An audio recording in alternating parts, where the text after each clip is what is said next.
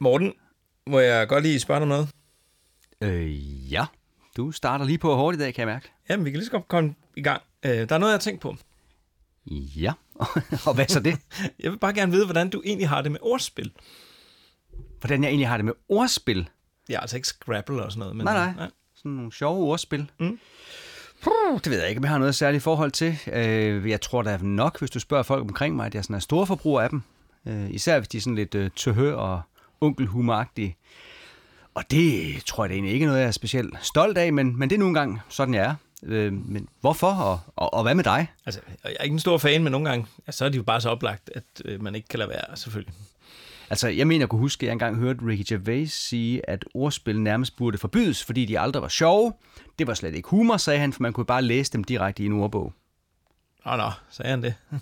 Hvem siger, at ordbøger ikke kan være sjove i sig selv? Men altså, jeg kom til at tænke på det der med ordspil, da jeg læste om artiklerne om dagens album, øh, som jo er på kanten af småt brandbart. For at holde nu op, hvor var opfindsomheden blandt journalisterne ikke særlig stor i 2002. Nej, nej, nu ved jeg godt, hvad du tænker på. Ja, hvor mange ordspil tror du lige, der var på noget med brandbart, og så vores yndlingsforsangers øh, efternavn? Jamen, jeg, jeg opgav til, men der var godt nok mange. Småbrændt, brændt, på kanten af småt, brændt, bart, stærkt brændt, bart, og så videre, og så videre. Ja, det er, det er meget originalt, eller noget. Ja, det blev lidt anstrengende i længden, men altså, vores podcast er der heldigvis hverken brændt, bar, udbrændt eller nedbrændt. Den er jo nærmere brændt varm, hvis jeg selv skal sige det. Ja, og vi indspiller i Brande. wow! Nå, der er ingen grund til at spille smart, vel Morten?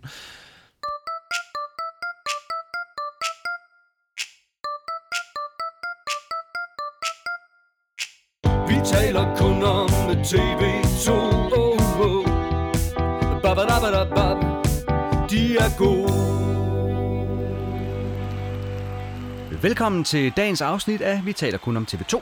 I dag sender vi direkte fra din lokale genbrugsplads, nærmere bestemt hænger vi på kanten af containeren til Småt Brandbart, fordi dagens afsnit handler om TV2-albummet På kanten af Småt Brandbart fra 2002. Ja, den er god med dig, Morten. Det passer jo ikke. Vi, vi er i Brande, som jeg sagde før, og vi sidder på din søns værelse, og jeg kan se Lego og Playmobil, udklædningstøj og børnebøger. Det vi også kalder for Hava Sitar Studio. Ja, ja, ja, det er rigtigt nok. Ja, jeg tænkte bare, det lød lidt sejt, hvis vi sådan sendte ud fra virkeligheden. Jamen, det ville det da også være. Øhm, hvad siger du til, at vi optager vores næste afsnit af podcasten sådan live foran et publikum? Det lyder da som en øh, fin idé. Det, det er jeg frisk på. Hvor skal vi, øh, hvor skal vi gøre det henne? Jamen, jeg tænker, hvis jeg kigger på kortet, Roskilde, det er sådan lige midt imellem Nørrebro og Brande, cirka. Ja, sådan cir- cirka lige midt imellem. Øhm, er det ikke i Roskilde, det der rockmuseum, Ragnarok, ligger? Det er det nemlig. Øh, kunne det ikke bare være et oplagt sted at optage vores næste podcast-afsnit, tænker du? Jeg tænker, det vil være helt perfekt. Især nu da, hvor de udstiller TV2's Have a Cigar Studio. Jamen, øh, det er bare genialt. Det gør vi. Yes, det gør vi. Men øh, lad os i første omgang afspille dagens album, altså på kanten af Småt Brandbart fra en ende af, som vi plejer at gøre. Her kommer første sang.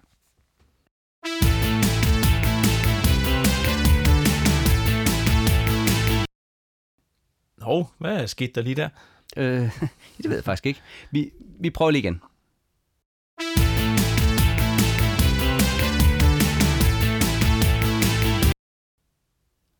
Nej, hvad foregår der? Det var da underligt.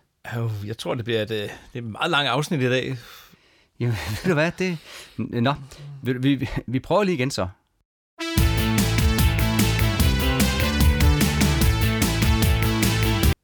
Ej, nu stoppede den igen. Altså, det er er lidt irriterende. Det er der enig med dig i. Og så er det så nu, jeg afslører, at det er noget, jeg gør med vilje. Det var jo sådan med den her CD, at den var kopisikret i en sådan grad, at det nogle gange kunne være svært at afspille CD'en. Også selvom man havde investeret i et helt lovligt eksemplar. For eksempel kan jeg huske, at jeg kun kunne høre de første få sekunder af første nummer, når jeg havde set en med i min forældres bil. Og så måtte jeg trykke skip til næste nummer på det helt rigtige tidspunkt, og så kunne jeg komme videre til sang nummer to, hvis jeg var heldig. Og jeg talte lige med min kone om det her, og hendes eksemplar af CD'en, den kunne udelukkende afspilles i bilen. Hun kunne slet ikke spille den inde i sit øh, anlæg. Så det var helt modsat. Og jeg, jeg, jeg kan godt huske alt det der bøvl, der var. Øhm, vi var også lige inde på det i sidste afsnit, det der med, at øh, piratkopiering af CD'er og ulovlig fildeling af MP3 filer, det var bare det var et kæmpe problem for udøvende kunstnere her på det her tidspunkt i, i starten af nullerne. Ja, og, og det forsøgte TV2 så at kæmpe imod ved at lave en kopisikring, men desværre havde det så den bivirkning, at man ikke kunne afspille CD'en problemfrit i, i alle maskiner. Ja, jeg tænker, at de der, der partout vilde øh, kopier, de fandt jo bare en lynhurtig måde at gøre det på. Ja, lige præcis. Og TV2 fik faktisk en masse skal ud for det, blandt andet på deres egen hjemmeside. Jeg kan huske, at øh, debatsiden derinde, opråb, den blev fuldstændig lagt ned. Øh, så vidt jeg husker, så må de lave en henvisning til IMI's hjemmeside, hvor man så kunne komme af med sin galle i stedet. Ja, altså normalt så svømmede hjemmesiden jo over af begejstrede råb, øh, når der var udkommet en ny CD, men den her gang så gik det altså mest op i noget andet. Øh, det var lidt en dårlig start fra albumet, tænker jeg. Ja, og det var jo også en dårlig start for den her episode, så lad os nu høre sangen ordentligt, uden at den stopper igen med det samme. Ja, tak.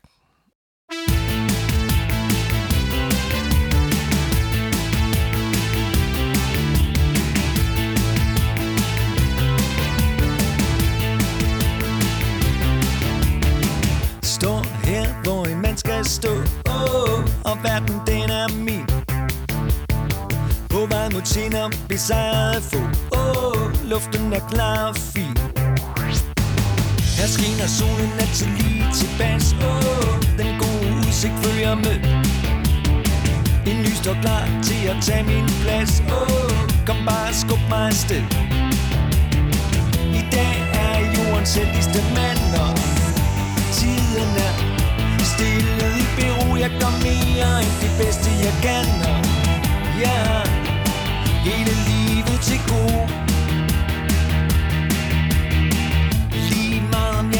Danse med en bjørn Eller en krav på flugt. Jeg læser spillet, og jeg tager min tørn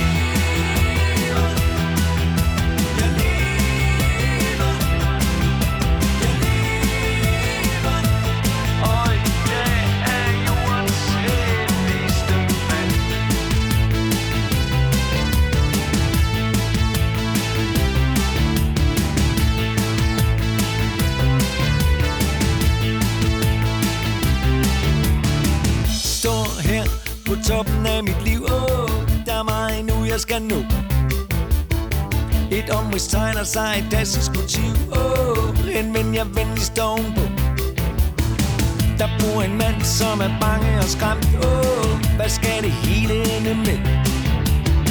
Helt sammen og sige, at det ikke er så slemt. Åh, og vi skal nok få ham ned. I dag er jordens heldigste mand Og tiden, tiden er stille. I Peru Jeg kan mere end det bedste jeg kan. Og jeg har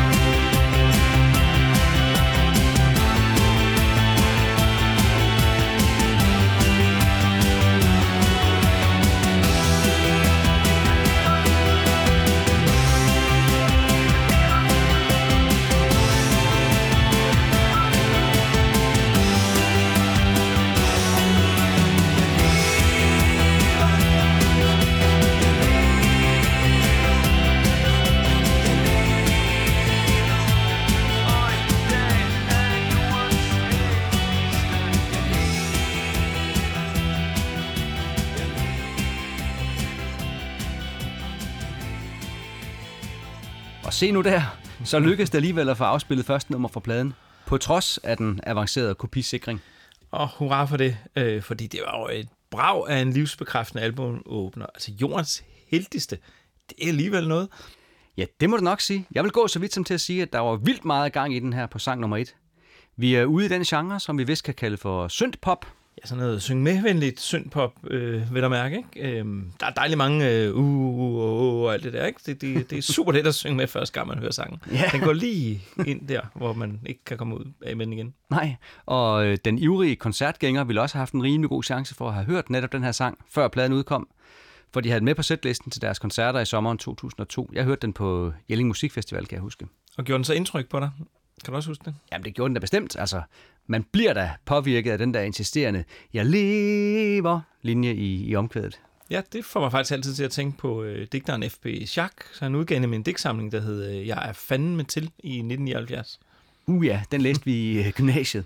Men ja, der er lidt af den samme energi i Steffen Brands linje, det kan jeg godt give ret i. Ja, så er han enormt overskudsagtig. Øh, Han har simpelthen overskud til at tage sin bange og skræmte overbo med på sit positive livstrip, fordi han synger, henvend jer venligst ovenpå, der bor en mand, som er bange og skræmt.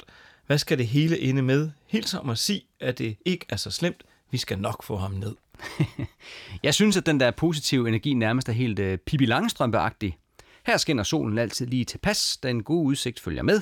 Altså, den her dag har jeg aldrig prøvet før, så det bliver nok en god dag. Pippi Langstrømpe. Mm. Så skal jeg jo kalde på kling og klang. Nej, jeg vil godt lade være med det. Okay, pyt da. Jeg kan også sådan tænke lidt på, om, om jordens heldigste mand i virkeligheden er ham, den der lidt tvivlende, grænvoksne mand, som øh, de lagde ud med på Amerikapladen, som nu endelig har fundet ud af, hvor godt han rent faktisk går rundt og har det. Ved du hvad, det kan sagtens være. Sidst der var han øh, på flugt fra fejhed, kedsomhed og slendrian. Og nu er han simpelthen på vej mod tinder besejret af få. Det er da, det er da noget af en rejse. Er i den rigtige retning, altså opad. Præcis.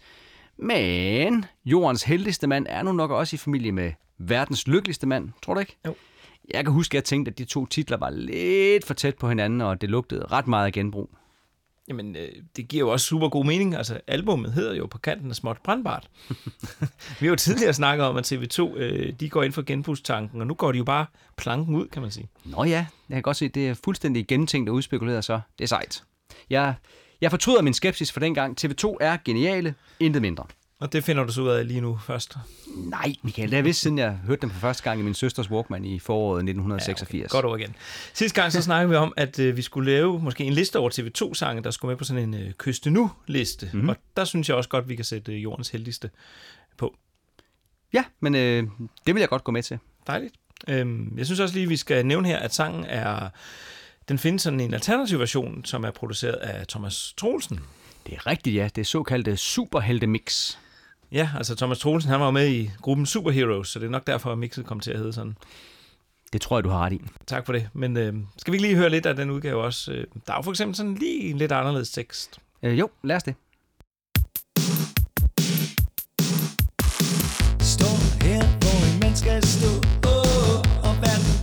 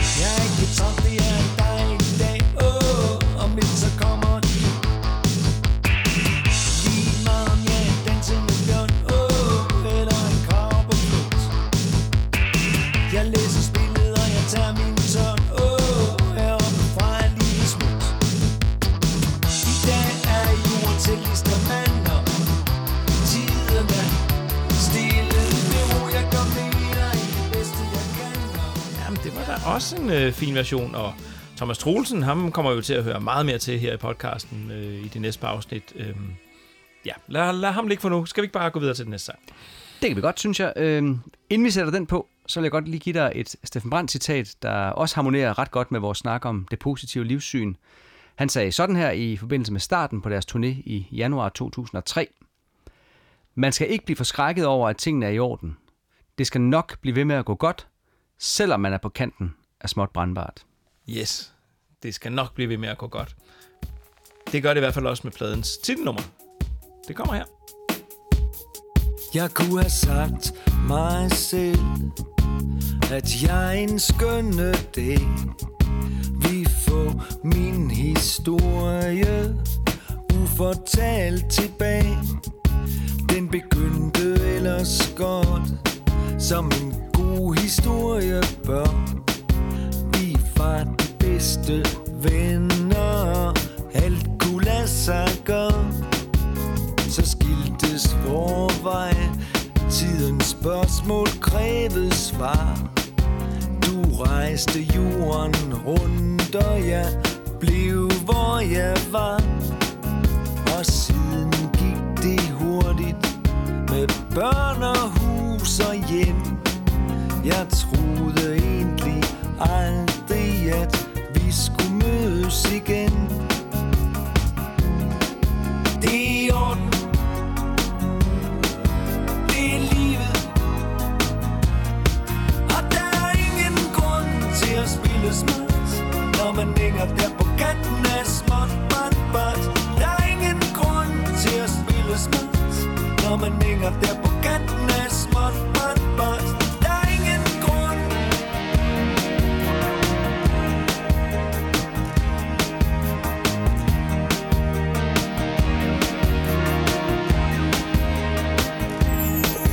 så tilfældigt her for nylig. En helt almindelig dag Var livets trailer fyldt med ting som bare skulle losses af. Der hang et fjols på en container Og spærrede min vej. Jeg kravlede op på kanten og opdagede, at det var dig. Du så som en fremmed, træt og slidt af tidens tand. Jeg tænkte på lidt, man kommer til at ligne en, en voksen mand. Vi snakkede om lykken, om skæbne og om tro. Om tilværelsens vilkårlighed og hvor forskelligt det kan gå. Det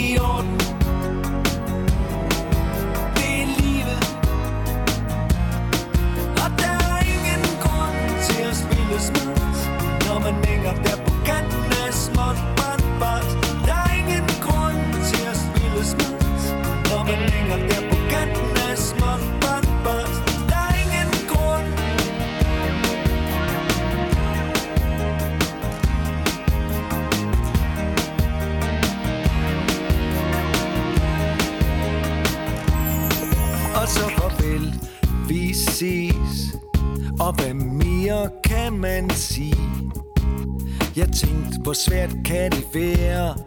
Og hvor ensomt kan det blive? Det sidste jeg så var en trailer som forsvandt. Jeg hænger stadig her på containerens kant.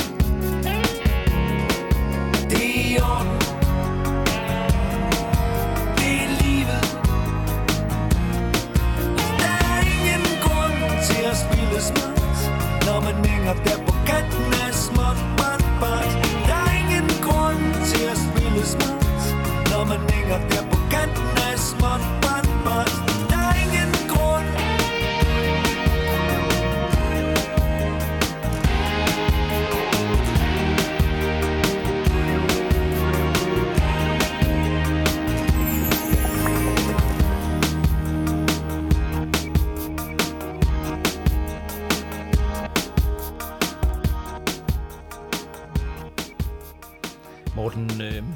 Du, det er en sand historie, den her? Altså, Tror du, at Steffen Brandt han har mødt sådan en barndomsven øh, på en genbrugsstation? Ja, altså, må, må ikke der er et eller andet sandt i den? Altså, at en tur på genbrugspladsen har affødt ideen til den der setting for sangen? Det tror jeg. Jamen, nu lærte vi jo bare i sidste afsnit, at Steffen Brandt, han var sådan en anti-handyman. Så øh, personligt så tvivler jeg faktisk på, at Steffen Brandt nogensinde har sat sine ben på en genbrugsplads. Okay? Jamen, det ved jeg så, at han har. Ja, det ved du simpelthen. Yes. Nå, har du mødt ham derude? Er det, er det dig, han møder i sangen lige frem? du er godt nok begyndt at ligne en voksen mand, når jeg nu lige kigger på dig. Nej, ja, det kunne rolig. godt være dig. Rolig nu, rolig nu. Det kan godt være, at jeg ligner en voksen mand, men, men det gjorde jeg altså ikke i, i 2002. Der var jeg jo kun en dreng på, på 27. Så selvfølgelig er det ikke mig, han møder. Det vil slet ikke hænge sammen. Men nej, jeg ved, han har været der, fordi jeg så det i DR2-programmet Viva, hvor de havde slæbt ham med på genbrugspladsen. Meget originalt, ikke? Jo, lige så originalt som øh, i Amerika, der var nogen, der tog ham med på et byggemarked. Nu skulle han så ud på en genbrugsplads. Ved du? Jeg kommer lige til at tænke på noget. Hvad, hvad tror du, hvor tror du, han havde regnet med at blive taget med hen i forbindelse med udgivelsen af de første kærester på månen? Øh, til månen, tænker jeg, ville have været oplagt. Øh, det havde jo også været noget, men altså, nu ved vi jo også godt, at øh, månen det er også et, et forsamlingshus, som øh, ligger på Frederiksø. Ja, det er selvfølgelig rigtigt, men, men alligevel. Men altså, her havde de taget ham med på genbrugspladsen for at få ham til at hænge på kanten af en container. Så der hang han så med læderhandsker og rockstar-briller. Nå, hvad sagde han så til at hænge der? Jamen, øh, han sagde sådan her. Sikkert den er fis. Ja, det forstår man godt. altså, jeg ser simpelthen Steffen Brandt som verdens eneste jyde uden jydekrog på bilen. Jeg køber ikke den der setting med et tilfældigt møde på genbrugspladsen. Altså, der er nødt til at sige, at jeg er også jyde. Jeg har to biler, og jeg har lige præcis 0 anhængertræk. Så Steffen Brandt er i givet fald i hvert fald ikke verdens eneste jyde uden jydekrog.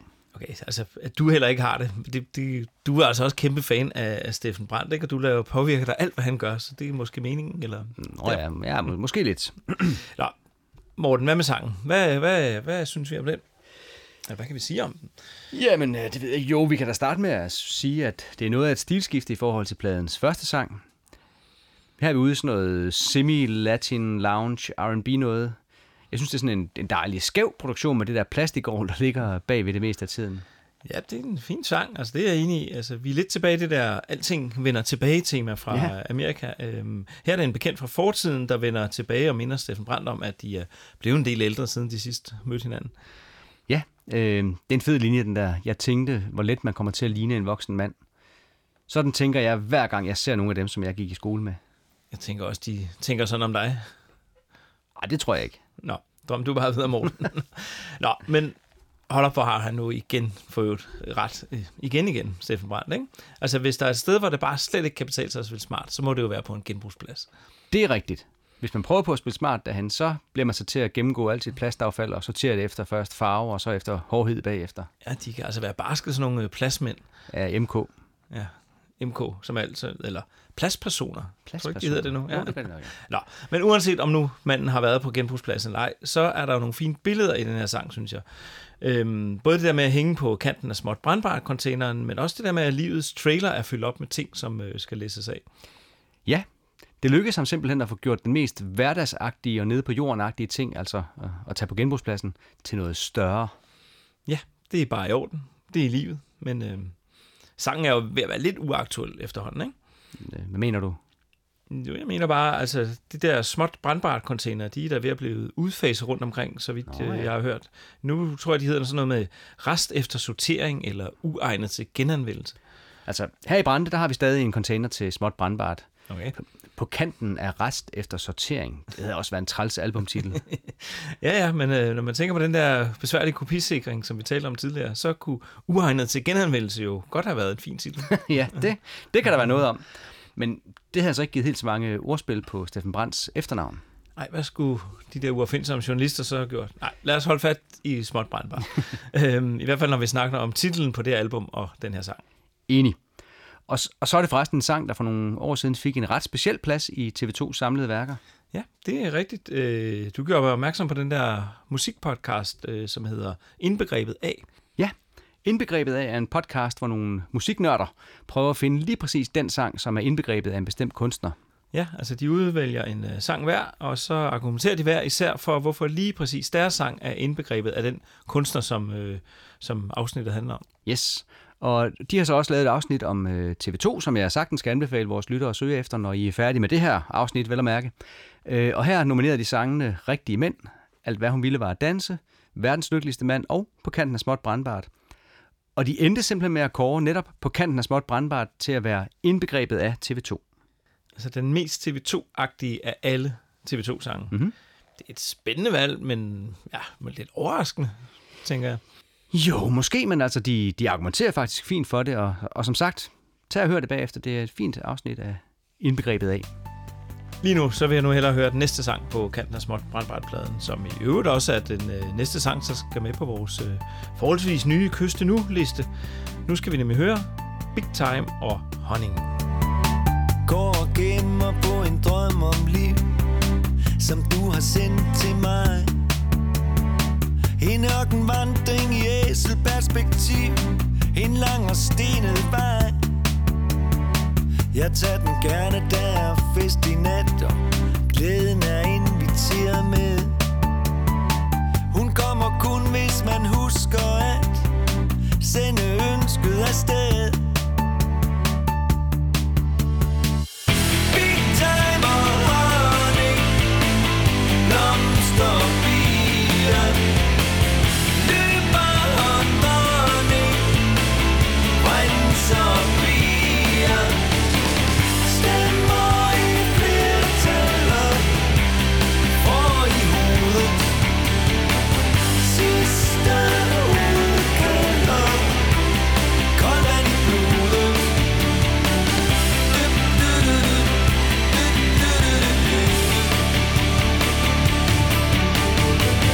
Synger på den ene sang, jeg kan Som jeg har skrevet til dig.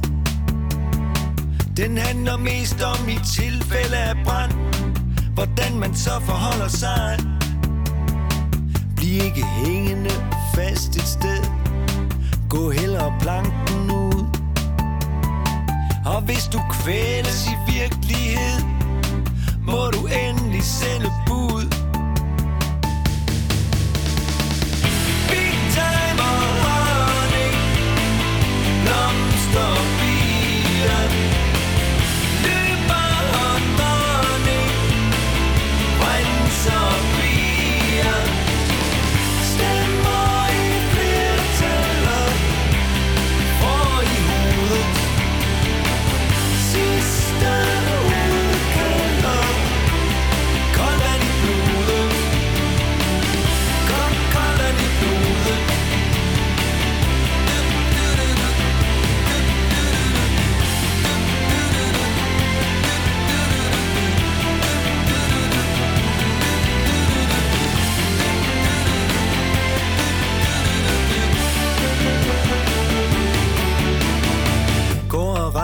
lidt for mig selv.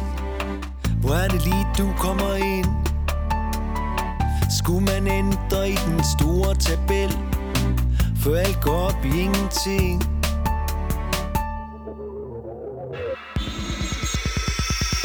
Big time og honning Blomster bier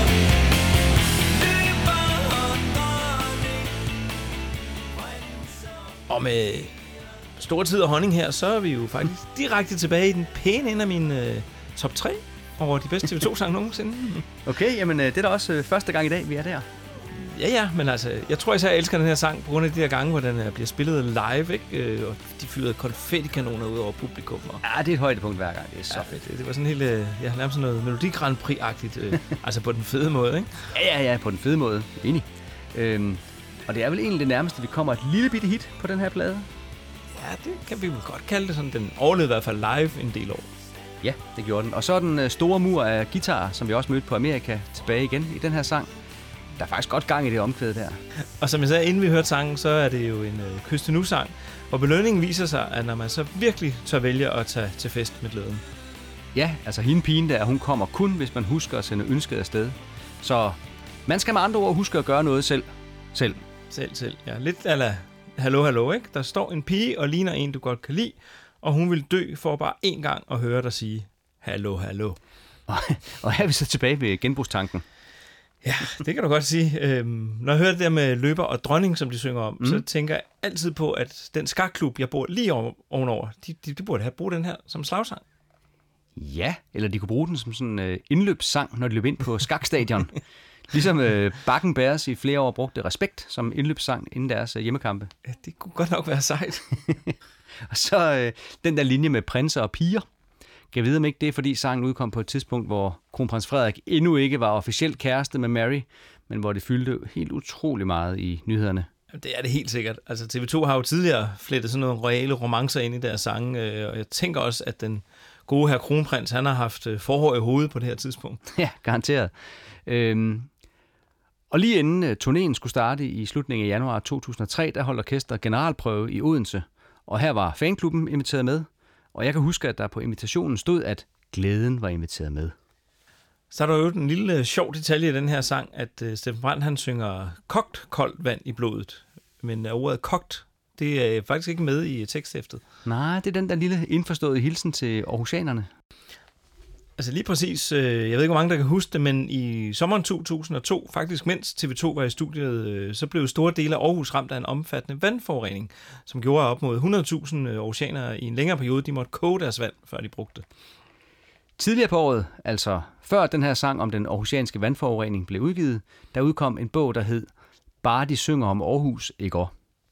Og i den bog blev der blandt andet beskrevet nogle sange, som Aarhus endnu manglede, og man opfordrede Steffen Brandt til at skrive en hyldesang til AGF. Okay, det ved jeg faktisk ikke, om jeg gad høre, hvis han gjorde det. Ah, det gjorde det som nok. Har du ikke også hørt uh, Malte Eberts sang til Vejle Boldklub? Øh, nej, det har jeg faktisk ikke. Men øh, Nå. jeg tænker, vi kan høre nogle Brøndby-sange, hvis det skal være. Jamen, øh, det skulle det ikke. Men øh, den næste sang, den dufter der lidt af fodbold. Ja, det gør den. Øh, vi skal høre om, øh, eller vi skal høre Herlev, det er skønt. Øh, der hører vi lidt om AGF, og så ja, et eller andet Københavnerhold.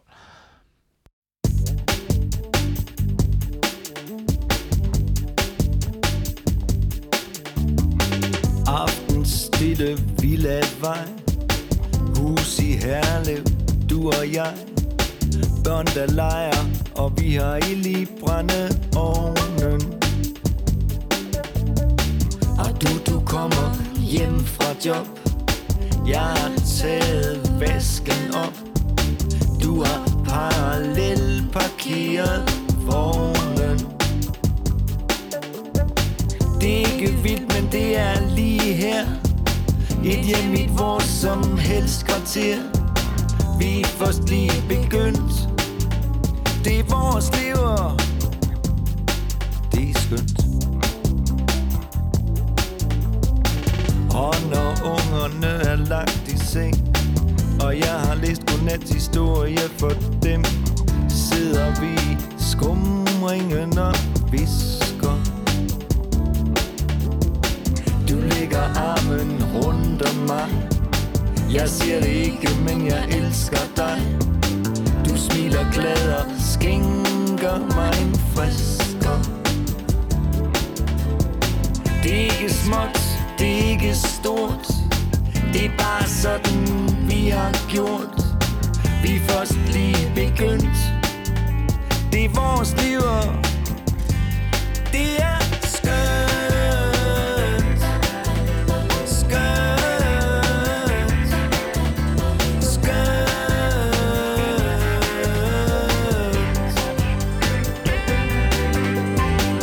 Tjekker lige om FCK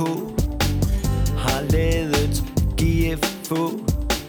Uafgjort i kampen om medaljer.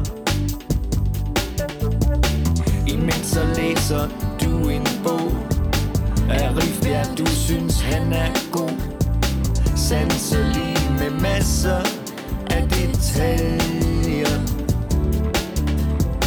Det er ikke for noget, det er ikke for nogen. Det er bare en løsrevet situation. Vi er først lige begyndt. Det er vores liv, det er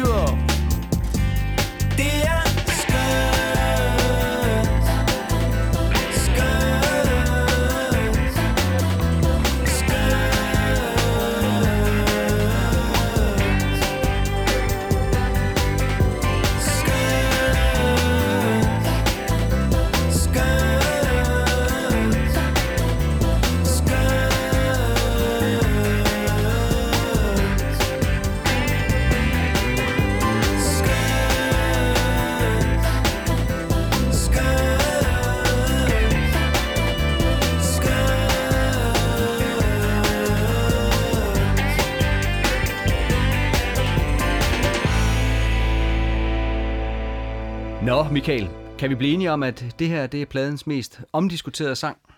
Ja, det kan vi godt blive enige om. Det er i hvert fald den sang, som de fleste anmeldelser, artikler og interviews kom ind på. Ligesom den lige siden udgivelsen den blev, blev diskuteret ivrigt blandt TV2's fans. Øh, fordi er det her en ironisk sang, eller er det ramme alvor? Ja, den diskussion har altså raset lige siden efteråret 2002, og fronterne står skarpt over for hinanden. På den ene side er der dem, der hører sangen som en bidende satire over og kritik af det stille liv i forstaden, hvor alt til synlandet er gået helt i stå, og hvor der ikke er noget egentligt liv at spore. Ja, og så er der dem, der mere ser det som sådan en hyldest til det der liv, øh, som jo en ret stor procentdel af danskerne lever med madlavning og opvask og børnepasning og sådan en enkelt din og tonic i sofaen foran brændeovnen en gang imellem. Sådan, jamen sådan cirka samme liv, som øh, Jimmy og Janni, de går rundt og lever. Vi synes her i podcasten, at du må høre sangen præcis som du har lyst til.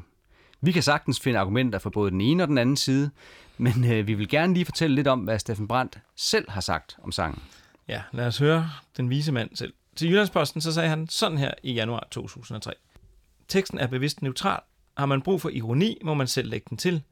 Mange har hørt den som en hyldest til borgerligheden. Læs lige teksten igen. Det er den største provokation, siden vi ville have kvinderne ned på alle fire. Det er en beskrivelse af en tilstand, der findes. Teksten er nutidig, fordi den har den detalje, at manden lige skal tjekke, om AGF har fået point mod FCK. Det har han overskud til. Den detalje siger mere om den moderne mand end tonsvis af forskningsanalyser. Og i programmet Viva på DR2, som vi talte om før, så sagde han sådan her om sangen. På den nye udgivelse, der er der en, en sang om et par i Herlev. Ja. Og jeg synes jo meget, at det er en hyldest til hverdagslivet og dagligdagen. Ja. Hvis man så vender øh, 15 år tilbage, når du så beskrev sådan familien Danmark, så var det med døden og tidsfordriv og... Hvad er der sket med dig? Ej, det, det er jo, sådan må du jo ikke sige. Eller det må du jo godt, fordi det skal du fordi du øh, skal gøre det, du skal. Men det er ikke rigtigt. Det er ikke meget, der er sket noget med. Det er tiden, der er sket noget med. Jeg kunne ikke have skrevet den sang for 15 år siden. Det er rigtig provokerende med den sang, når det kommer til stykket. Det er, kan livet være så smukt? Kan det være så enkelt? Kan det hænge sammen på den måde? Øh, kan vi rumme det, at der simpelthen er et par, der, øh, der har det rigtig fedt? Og det er, det er virkelig den største provokation, man overhovedet kan gøre sådan en kunstnerisk set i dag, det er at sige, det, prøv lige at se her, ikke? Og der er ikke engang noget med, der er ikke engang øh, mellem linjerne et eller andet, man må sige, oh, der, er, der, er, der er et eller andet sted, vi kan bore ned og finde et eller andet. Nej, det er fuldstændig øh, renset. De har det bare rigtig godt. det kan jeg enormt godt lide. Ja, det er altså en sjov sang på mange måder. Øh, Steffen Brandts egen yndlings sjove ting ved sangen, som han bruger, når han optræder med den til sine soloshows, er, at det er den eneste popsang i verdenshistorien, hvor i der foretages en succesfuld parallelparkering af en kvinde. Det er altså kun Steffen Brandt, der kan slippe afsted med at sige sådan noget i vores dage, Ja, jeg. jeg skulle ikke nyde noget, det er helt sikkert. øh, men jeg tør godt snakke om, hvad sangen er inspireret af. Ja, det tror jeg også godt. Øh, vi skal have en tur tilbage til 60'erne. Ja, og for en gang skyld skal vi ikke tale om The Beatles. Nej, det skal vi nemlig overhovedet ikke. Øh, Vi skal tale om øh, Lise Reinhaus klassiker Herlev fra 1965. Det skal vi nemlig. Lad os høre lidt af den allerførst. i Herlev op ad trappen. Fire rum, to børn, min mand og jeg. Et køkken, helt elektrisk. Det er rart. Udsigt ned mod skoven, legeplads, hvor græsset lyser grønt. En, der passer på de mindste. Det er skønt. Det er nu også en fin sang, ikke? Og mm. fuld af ting, som man kan høre, at Steffen Brandt har genbrugt, eller ja, bare twistet lidt i, i hans version. Ja, øh, altså udover det hele åbenlyse, som at begge sange foregår i Herlev, så er der sådan nogle små ting, som at der i Lise Reiners sang også bliver sunget, at det er skønt. Ja, og så bliver der serveret en drink undervejs. Ja, det er solbærlikør faktisk, øh, hvor det i Herlev, det er skønt, drejer sig om en frisker. Og en frisker her, det er... Det er en gin og tonic. Det er du bare sikker på? 100 procent. Okay, for det kunne jo også være en opfriskning af en kop kaffe eller sådan noget. Det er en gin og tonic. Basta. Fedt. Men jeg vidste jo også, hvis du ville sige det, så øh, dengang jeg så lavede noter til afsnit øh, forleden aften, så skænkede jeg mig en, øh, en frisker. Jamen ved du hvad, det var da vel ondt. Øh, men ved du hvad, der er det sjoveste, jeg opdagede under min research til i dag? Nej. Jamen, øh, det var da, at Boligblok A fra Fantastiske Toyota også er en ny version af den oprindelige Herlev. Hørte du ikke også, at hun der i starten sang i Herlev, op ad trappen, fire rum, to børn, min mand og jeg? Øh, jo, det hørte jeg godt. Og hvis jeg siger fire rum, hvad siger du så? Så siger jeg... Mm, Når jeg er fire rum, bad med bruser, spisekøkken, rustik kvalitet, altan med udsigt. Hallo? Altså, Boligblok A og Herlev, det er skønt. Det er jo virkelig en, hvad kan vi sige, søskendesang. Ja, de søskende sanger. Så er Lise Reinhaus Herlev deres mor eller, eller far. Og i den gamle Herlev, der ramses der også en masse glæde op ved at have et moderne køkken. Ligesom i Boligblok A. Hold nu op. Det havde jeg aldrig tænkt på. Helt ærligt, det havde jeg heller ikke. Nu får vi sikkert en masse mails fra en hel masse af vores lyttere, som aldrig har tænkt på andet. Det er jeg også ret sikker på, at vi gør. vi må hellere skynde os og fortælle, at vi rent faktisk har tænkt på noget i den der sang. Øh, der er en lille hilsen til øh, Cleos gamle klassiker fra 1966. Skal du sove, eller hvad? Spil lige lidt af den, Morten. Okay så. Skal du sove eller hvad? Hvad? Ja, det er lige hvad du skal. Og det skal ske nu, og lige med det straks. Lad nu være og være så vaks. Skal vi sove eller hvad? Hvad? Ja, det er lige hvad du skal. Og nu har du fået din vuggesang. Det er sket for denne gang. Og den twister Steffen Brandt jo så helt genialt til linjerne, og nu er dagen snart forbi, og du har rejst dig for at sige, skal vi, synes du, sove eller hvad? Du siger, du er træt, men skidt med det. Vi kunne da også bare sådan tage og ligge lidt i ske. Drømme om en ny og dejlig dag. Ja, det er sjovt. Basta. Vi skal også lige snakke om, at sangen jo er en duet mellem Steffen Brandt og Tina Dikov. En helt utrolig tight sunget duet faktisk. Det er virkelig imponerende, hvordan hun kan lægge sig så tæt op af Steffen Brandts måde at synge de mange ord på.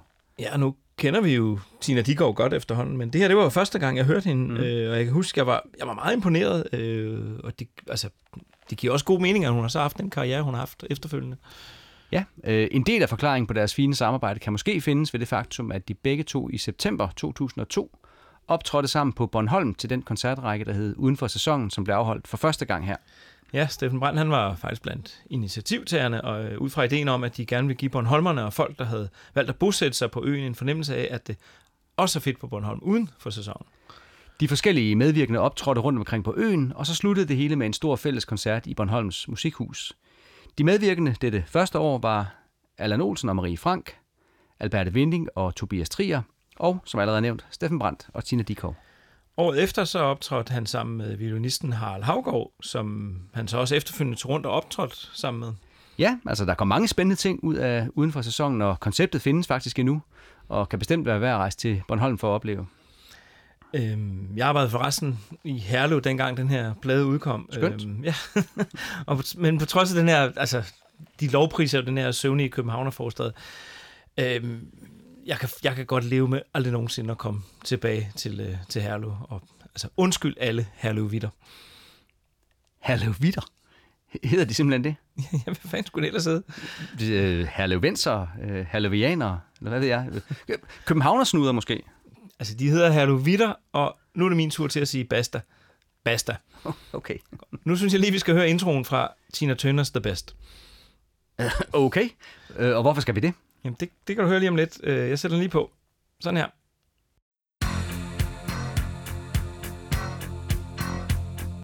Ja, det var det. Nu må du gerne gå videre med TV2's Tornby Hotel. Øh, okay.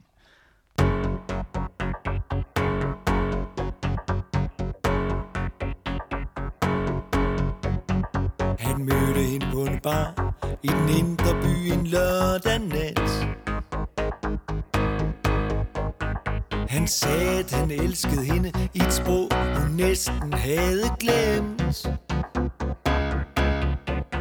Han lignede det, han var, en katten havde efterladt.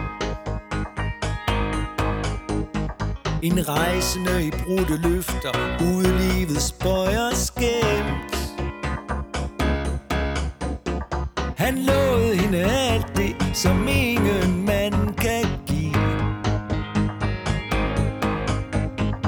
Troskab, ærlighed og lykke, der var ved. Eller også hørte hun bare det, hun gerne ville høre ham sige. Af ren og skær savn,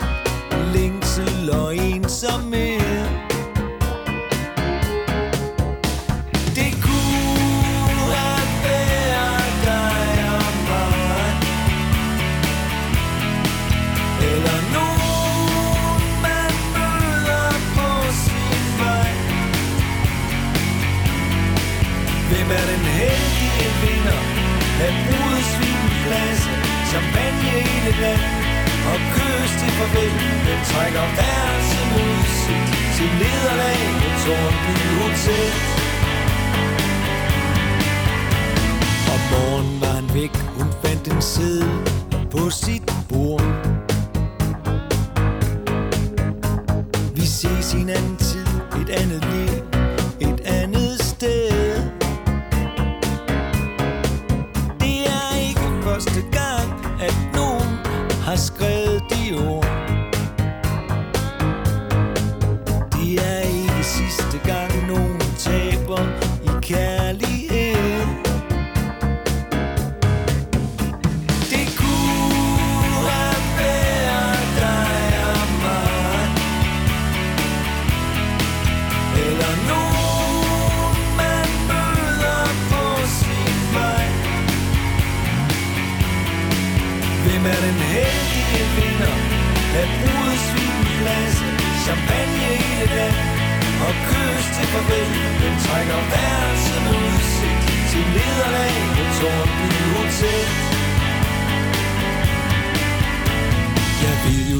sædvanlig ikke noget. Jeg kom jo bare forbi.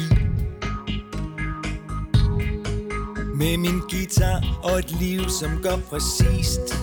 Hvad det vil. Og det er ikke altid klaret med et beat Og en smuk melodi.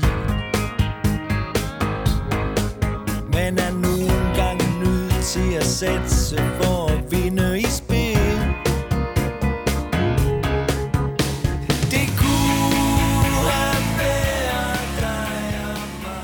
Godt, Michael. Jeg kunne faktisk godt høre, hvorfor vi lige skulle høre lidt Tina Turner først. De to introer minder en hel del om hinanden. Ja, for nu at sige det mildt, ikke? Jo. Men øh, endnu en gang, så vil jeg hævde, at jeg bedre kan lide TV2-sangen. Og, og så taler vi også kun om TV2 her, ikke? Jo, det gør vi jo. Altså, når vi ikke lige taler om The Beatles, eller Shubidua, eller ja, Tina Turner. Ja, ja, selvfølgelig. Men i det hele taget, så er den her sang faktisk en af mine yndlingssange på hele pladen. Det, den lyder godt. Den har en fin melodi. Ja, eller melodi. Som Bamse sagde, altså ikke ham, der altid håbede på AGF fedt mindst uafgjort, men uh, ham den gule fyr med et røde slips. Nå ja, melodi. Øh, så er det en godt fortalt lille historie om et one-night stand, der ender med, at mindst en af personerne ender med at tabe i kærlighed. Altså, jeg må med skam i stemmen erkende, at øh, jeg identificerede mig en del med ham der, der drev rundt på barne i den indre by lørdag nat dengang. Uh, det var din Bibabalula-periode. Ja, lige præcis. og så havde jeg sådan en kammerat, som var ind på en villavej, altså i Ballerup ganske vist, men det, det er også sådan lige i Herløvs baghave. Ja, ja, og, og i Ballerup er det også skønt. Ja, det synes han så ikke. Øh, Jeg drillede ham med, at han var ind på Tornby Hotel i altså overført betydning, at jeg sigtede mod champagne hele natten i stedet. Men ikke brude Sweden på pladser. Ah, mindre kunne godt gøre det, trods alt. Men nu vi er med det med hotellerne, så ved jeg, at du har forsøgt at finde Tornby Hotel. det har jeg. Øh, Tornby, det er jo en rigtig lokalitet. Øh, byen ligger sådan lige syd for Hirtshals. Men, men der findes simpelthen ikke noget Tornby Hotel. Ew. Ja, eller hurra, men øh, der findes et strandløst øh, ved Tornby Strand, der blandt andet beskriver sådan her på deres hjemmeside. Hotellet har ingen luksus eller spa. okay. Stod der noget om, at man kunne booke et værelse med udsigt til nederlag? Nej, det gjorde der trods alt ikke. Jeg faldt over et interview med Steffen Brandt, hvor han sagde, at hotellet for sangen lå på Fyn. Øh, og der ligger ikke noget Tornby på Fyn. Men i covernoterne til albummet står der faktisk tak til Tornøs Hotel. Og det ligger i Kærteminde, så måske er det virkelighedens Tornby Hotel. Jamen, det er det da så sikkert. Øhm, og der ligger også et Hotel Plaza i Odense. Det gør der da. Ved du hvad? Det er en Fyns sang, den her. Og Fyn er fin. Fyn er fin. Og så synes jeg simpelthen, at beskrivelsen af kærligheden som et spil, hvor man både kan vinde og tabe, er, er ret interessant. Man kan vinde og havne på Hotel Plaza, eller man kan tabe og ende på Tornby Hotel. Men man er nødt til at satse for at vinde i spil. Det er det, man er. Det er stærkt skrevet. Beskrivelsen af et one-night stand skriver sig ind i en lang historie af sange med samme emne. Jeg nævner i flæng øh, klassikere som Tørresnoren med Shubidua, og Han spurgte, om hun ville danse med De Nattergale, og, nå ja, Norwegian Wood med The Beatles. Og så var det der igen. Lige så sikkert som at du finder nye sange til din top 3. Altså, Morten, der er kun tre sange på min top 3. Cirka. Ved du, hvad Steffen Brandt vil sige til den diskussion? Nej, det ved jeg ikke. Han vil sige sådan her. Sikkert den er fis. Ja, ja. Lad os øh, vende os mod noget langt mere alvorligt i stedet for. Noget mere alvorligt lige frem. Hvad tænker vi på her? Vi tænker på anmeldernes dom over pladen. Nå ja, det bliver spændende. Det gør det faktisk. Øh, Jeg huskede egentlig den her plade som værende ret øh, udskældt, men, men der huskede jeg forkert. Ja, det gjorde der, for der er godt nok mange positive anmeldelser. Øh, Jeg tænker, du husker det på den måde, fordi at det gik jo helt amok, da den næste plade kom, altså de første kaster på månen. Jamen, det øh, kan godt være. Øh, lad os prøve at høre lidt af, hvad anmelderen skrev om den her plade. Jamen, jeg starter i, øh, i, i, i Holbæk Amts Venstreblad, så skrev Rasmus Skat Andersen under overskriften Stormomsust kærlighed og dødbringende dagligdag. Det er et klassisk TV2-album, som næppe overrasker nogen musikalsk, men som vinder i kraft af Steffen Brands sublime tekster. TV2 har på imponerende vis formået at tilpasse deres musik til lige netop det sted i livet, som de er nået. I nordjyske tidene var anmelderen Uwe Nørhave svært begejstret for, at hele to af sangene udsprang af noget lokalt nordjysk, nemlig Tornby Hotel og Backstage i Lykken. Herudover beskrev han pladen som 12 dybsindige digte, forklædt som god gammeldags syndpop, med små kærlige hilsner tilbage til tidligere plader, hæsblæsende guitarrock, nervøst citrende R&B, følsom vals og meget andet, krydret med og rammet ind af kammermusik, tætte blæsere og fejende strygere. Plus det løse.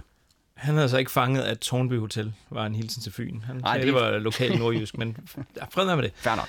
Berlingske Tidendes Thomas Søje Hansen, han gav pladen 4 stjerner ud af 6 og skrev, TV2 vender tilbage til den gode, pumpede 80'er-lyd med en særdeles velsyngende og veltilpas Steffen Brandt i forgrunden. Magisteren fra Sjællandsgade i Aarhus gør igen mere end det bedste, han kan, og mere kan man vel ikke tillade sig at forlange. Den musikalske ledsagelse kunne gå direkte ind på fantastiske Toyota. Lyden fra den gang er i det hele taget et nøgleord på nærværende udgivelse. TV2 har genopfundet lyden og den fremadrettede musikalske attitude ved at skrue tiden tilbage. Eller rettere, de lyder, som TV2 anno 1981 ville lyde i 2002. Mhm. Og lad os tage en lille pause for anmeldelserne, når vi lige har hørt, hvad Kim Skotte skrev i politikken. Han skrev nemlig sådan her. TV2 har ikke haft en opskrift på fornyelse, men de har været kloge nok til at prøve at finde ny energi og en slags alternativ sammenhængskraft i en forøget variationsbredde. Ikke færre end fem producer har været involveret. Der er heldigvis ikke noget desperat loverne over denne jagt på de vises sound. Raffineret er CD'en komponeret, så sangene griber fat i hinanden og med enkelte ord skaber sammenhæng i den musikalske variation. Stærkest står sangene, hvor Steffen Brandt med lige dele redsel og godmodig overbærenhed konfronterer fortid og nutid med hinanden. TV2 er oppe på beatet. Så skidt med, om det er gammelt og genbrugt. Og pladens næste sang, det er jo et øh, smukt eksempel på, at TV2 sagtens kunne være oppe på beatet i indtil flere taktarter. Ja, Lykke på rejsen er noget så forholdsvis sjældent hos TV2 som en sang i 6 8. dele. Og så er det til synlandet TV2's forsøg på at lyde som det skotske band Travis. Du står der på kajen og vinker farvel, som om du har prøvet det før. Du smiler forsigtigt, og solen den synker, som sole ved den slags lejligheder gør. Og skibet skal sejle i nat, fordi det har du og skæbnen for længst bestemt. Og du går ombord i for din hat fra Paris, som gør alting endnu mere slemt. Jeg ville gerne glemme, hvis jeg kunne Og forsvinde lige meget hvorhen men i morgen begynder filmen forfra igen Så hils hvor du kommer fra Og send lige en tanke hjem Til os der holder hovedet koldt og julene i gang men sådan et førstegangsliv er ikke tilfreds med, at man yder det bedste, man kan. Du allerede videre i en anden drøm, før en skibet har lagt fra land. Det sidste, du giver mig, er et vink med en vognstang, og det skal nok gå alt sammen væk. Du står der og ligner fremtidens kvinde på natbådens øverste dæk. Jeg ville gerne glemme, hvis jeg kunne Og forsvinde lige meget hvorhen men i morgen begynder filmen forfra igen. Så hils hvor du kommer fra Og send lige en tanke hjem Til os der holder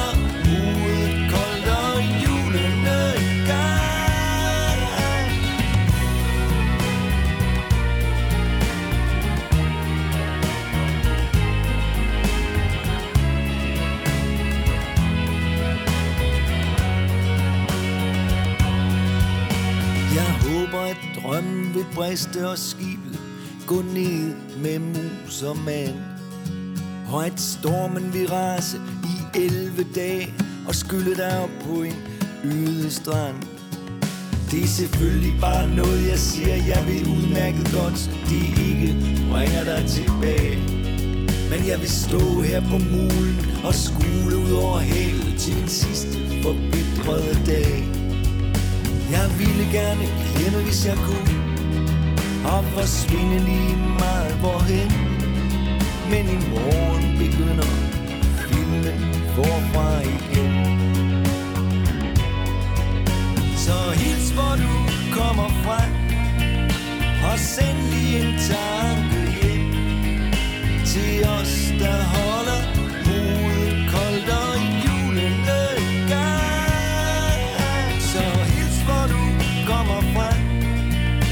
send lige en tanke hjem. Til os der holder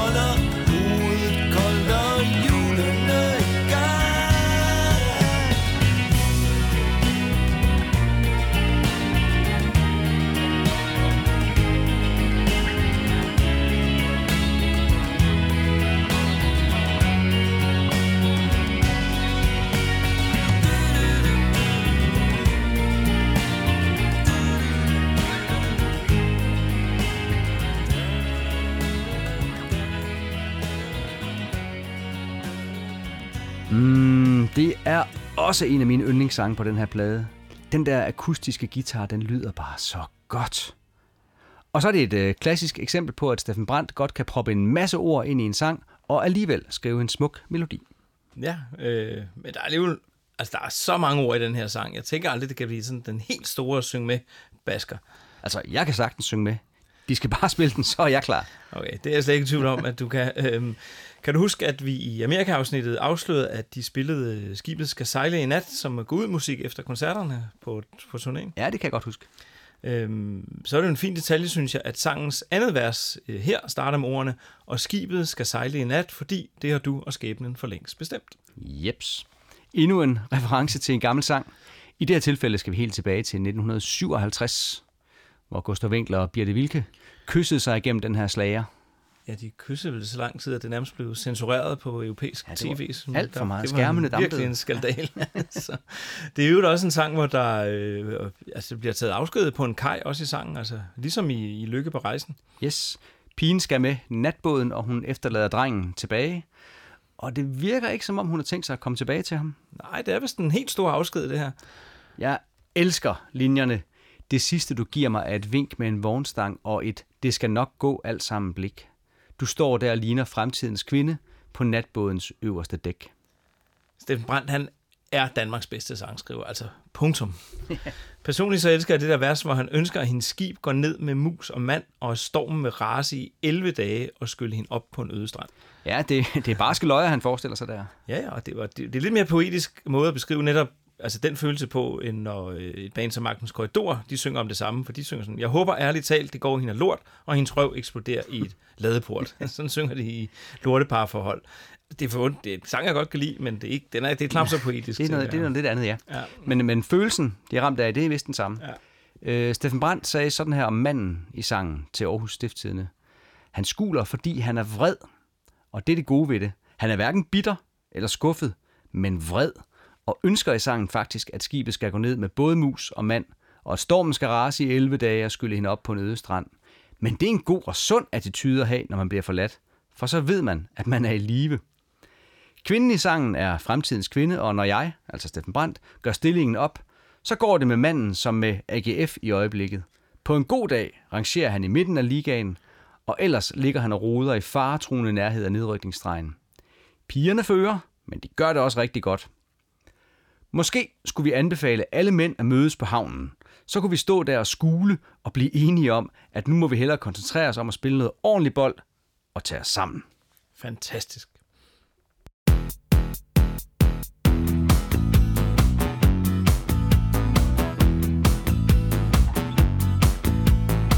Jeg drømmer kun om dig Jeg drømmer kun om dig jeg, jeg drømmer kun Jeg drømmer kun om dig jeg.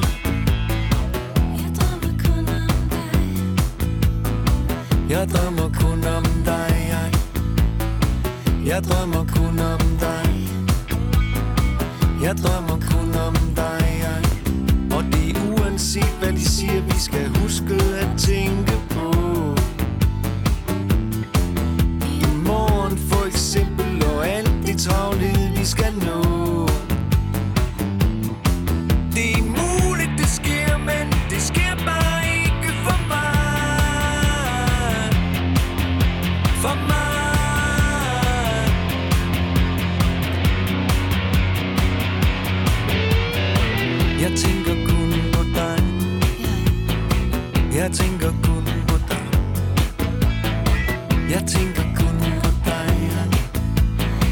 Jeg tænker kun på dig.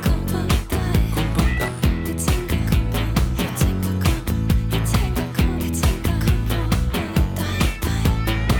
Jeg tænker kun på dig.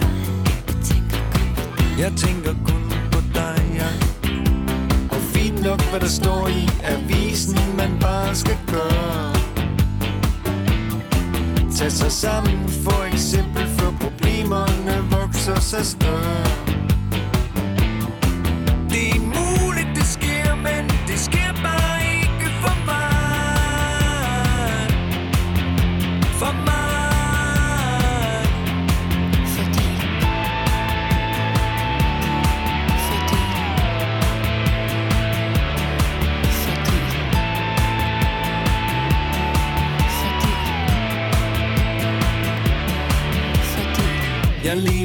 for dig Jeg lever kun for dig Jeg findes kun for dig Jeg findes kun for dig ja.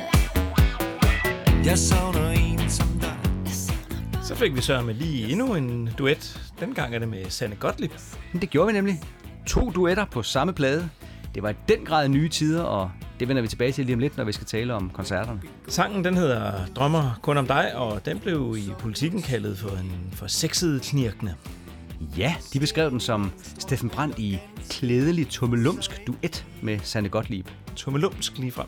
Og Ja, det er i hvert fald ikke så tight, som det var tilfældet tidligere med Tina Dikov på Herlev, det er skønt. Og måske er det en pointe, men personligt er jeg ikke så vild med det. Det bliver sådan lidt for løst og, og rodet til min smag. Men altså, rytmen er i hvert fald stram, ikke? Mm, jo. Og så er det faktisk en sang, der ramte mig sådan en del dengang, når jeg sådan skrællede min den der lidt happy gå i byen facade af, og nogle gange sad ensom derhjemme, ikke? Især de der linjer, men at det er muligt, det sker. Det sker bare ikke for mig. Mm. Mm. Nå.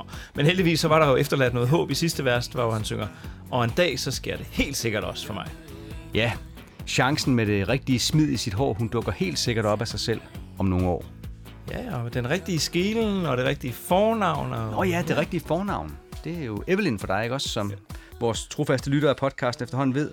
Men øh, vil du ikke fortælle lidt om øh, Sanne også? Altså Sanne Gottlieb, som er hende, Steffen Brandt synger den her duet med. Jo, hende vil jeg rigtig gerne fortælle om, fordi hun er faktisk ret interessant. Øh, blandt andet så sang hun med i bandet The Poets, og hun har også deltaget i Dansk Melodi Grand Prix, og hun har skrevet sangen Kissing, som var med i Sex and the City-filmen.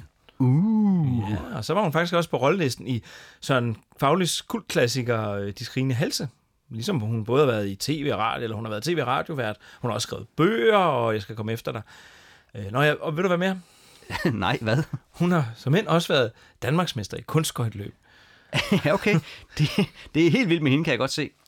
Øh, men hvis vi lige skal dvæle lidt ved sangen, så er jeg helt enig med dig i, at den langt hen ad vejen er ret trist. Til Fyns Stifttiden sagde Steffen Brandt øh, om pladen generelt, at denne plade er mere koncentreret om at forstå en selv i forhold til den mere nære verden omkring en. Og det bliver ikke mindre væsentligt at forstå med tiden, hvad det er for bolde, man har i spil på det personlige og menneskelige plan. Det er et gennemgående træk ved tiden, at vi har utrolig mange valg og mange muligheder, men vi er også utrolig meget alene om alting. Så de 12 sange kan få overskriften Ensomhed. Det havde ellers været noget af en albumtitel. 12 sange om ensomhed. Ja, så var det nok ikke blevet til et album, men bare 12 singler.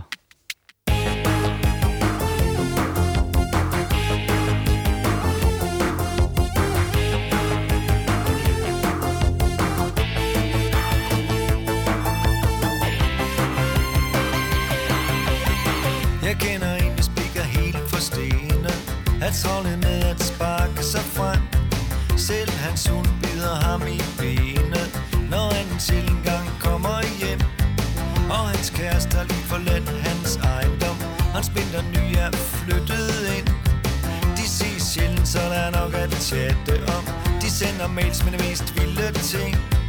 De er de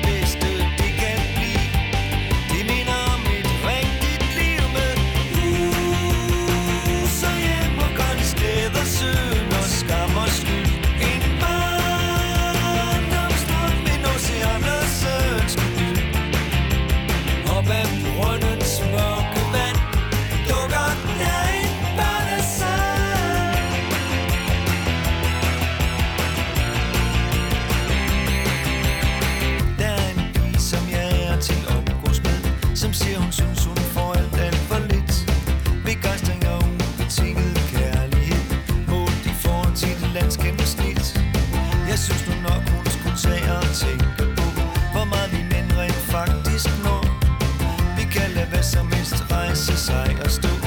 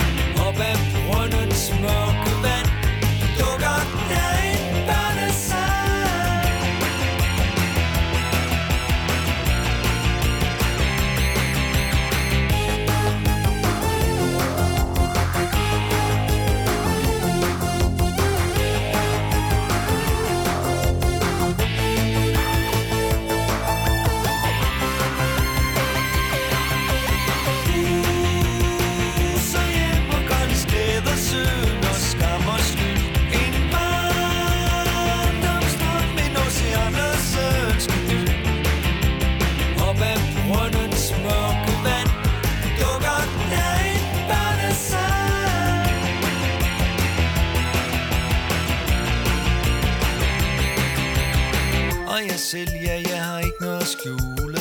Jeg træffes pt. mest ovenpå. Der brænder tampen kun en lille smule. Lige nok til at se, hvor galt det kan gå. Det er det det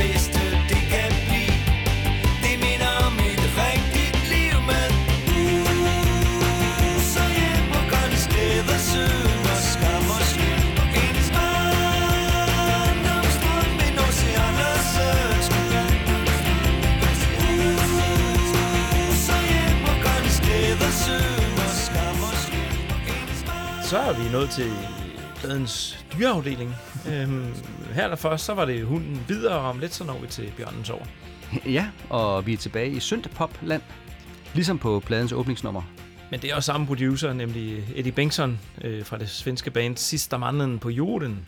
Ja, og det var dem, vi talte om helt tilbage i episode 2 af podcasten, da de jo havde indspillet en coverversion af Vi har det åh så dejligt. Og så er det også ham, som din øh, hund er opkaldt efter, lille Eddie. Han virker i hvert fald bestemt ikke som en hund, der bider nogen. Nej, det er han bestemt heller ikke.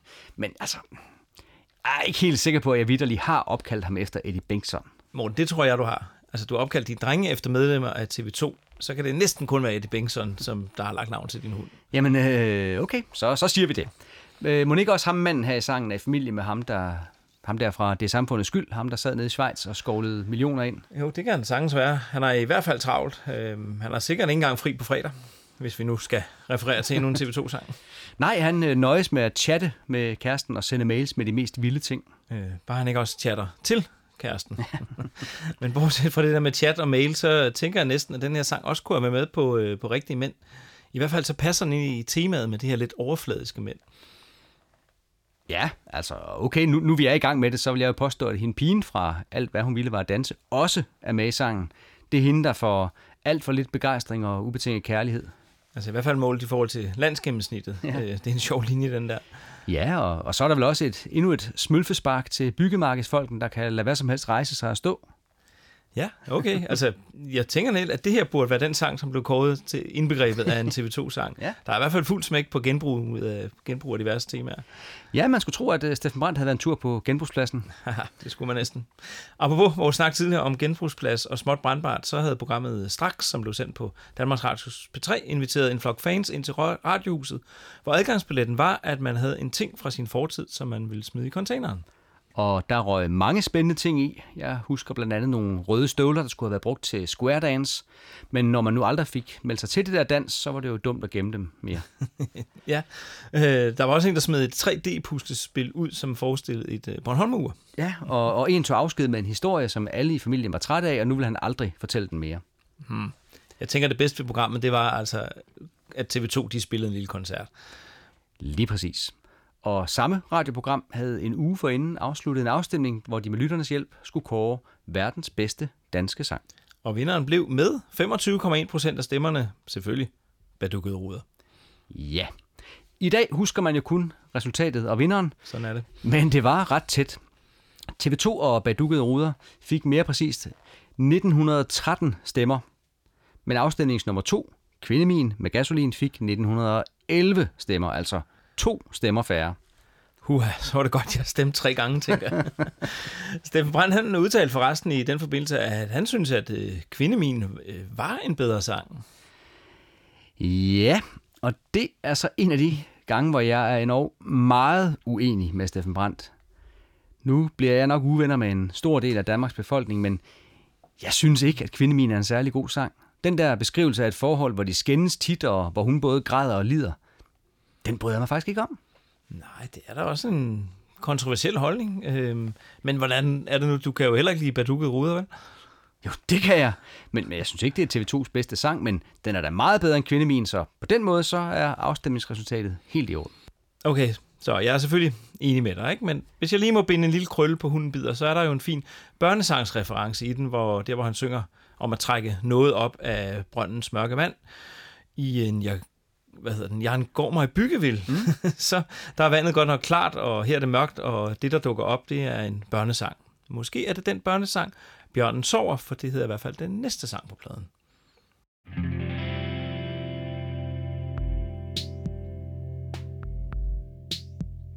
Det er bjørnens sår, rødhætte og ulven.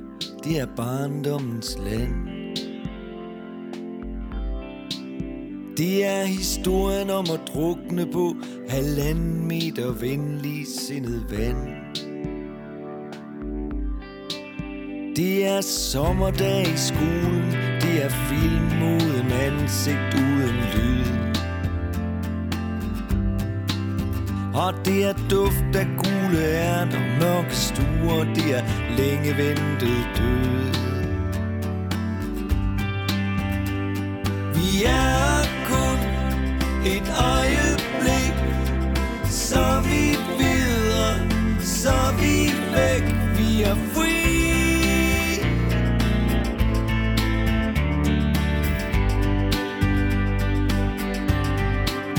Det er dobbeltsidigt hjertesvigt. Det er omsorgsdrop, det er hensynsløst normalt. De er dødbringende dag Så almindeligt, at det næsten kun kan gå galt Det er højt flyvende drømme, der er mindst hundrede undskyldninger ned Og du lander tungt alene i et liv, som aldrig rigtigt finder sted. Er kun et øjeblik, så vi videre, så vi væk, vi er fri.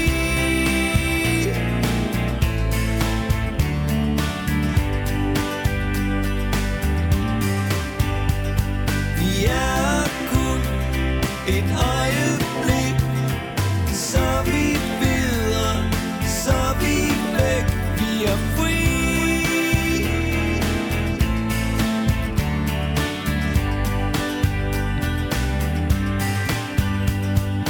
starter med en løgn, uskyldig som selve livets salt.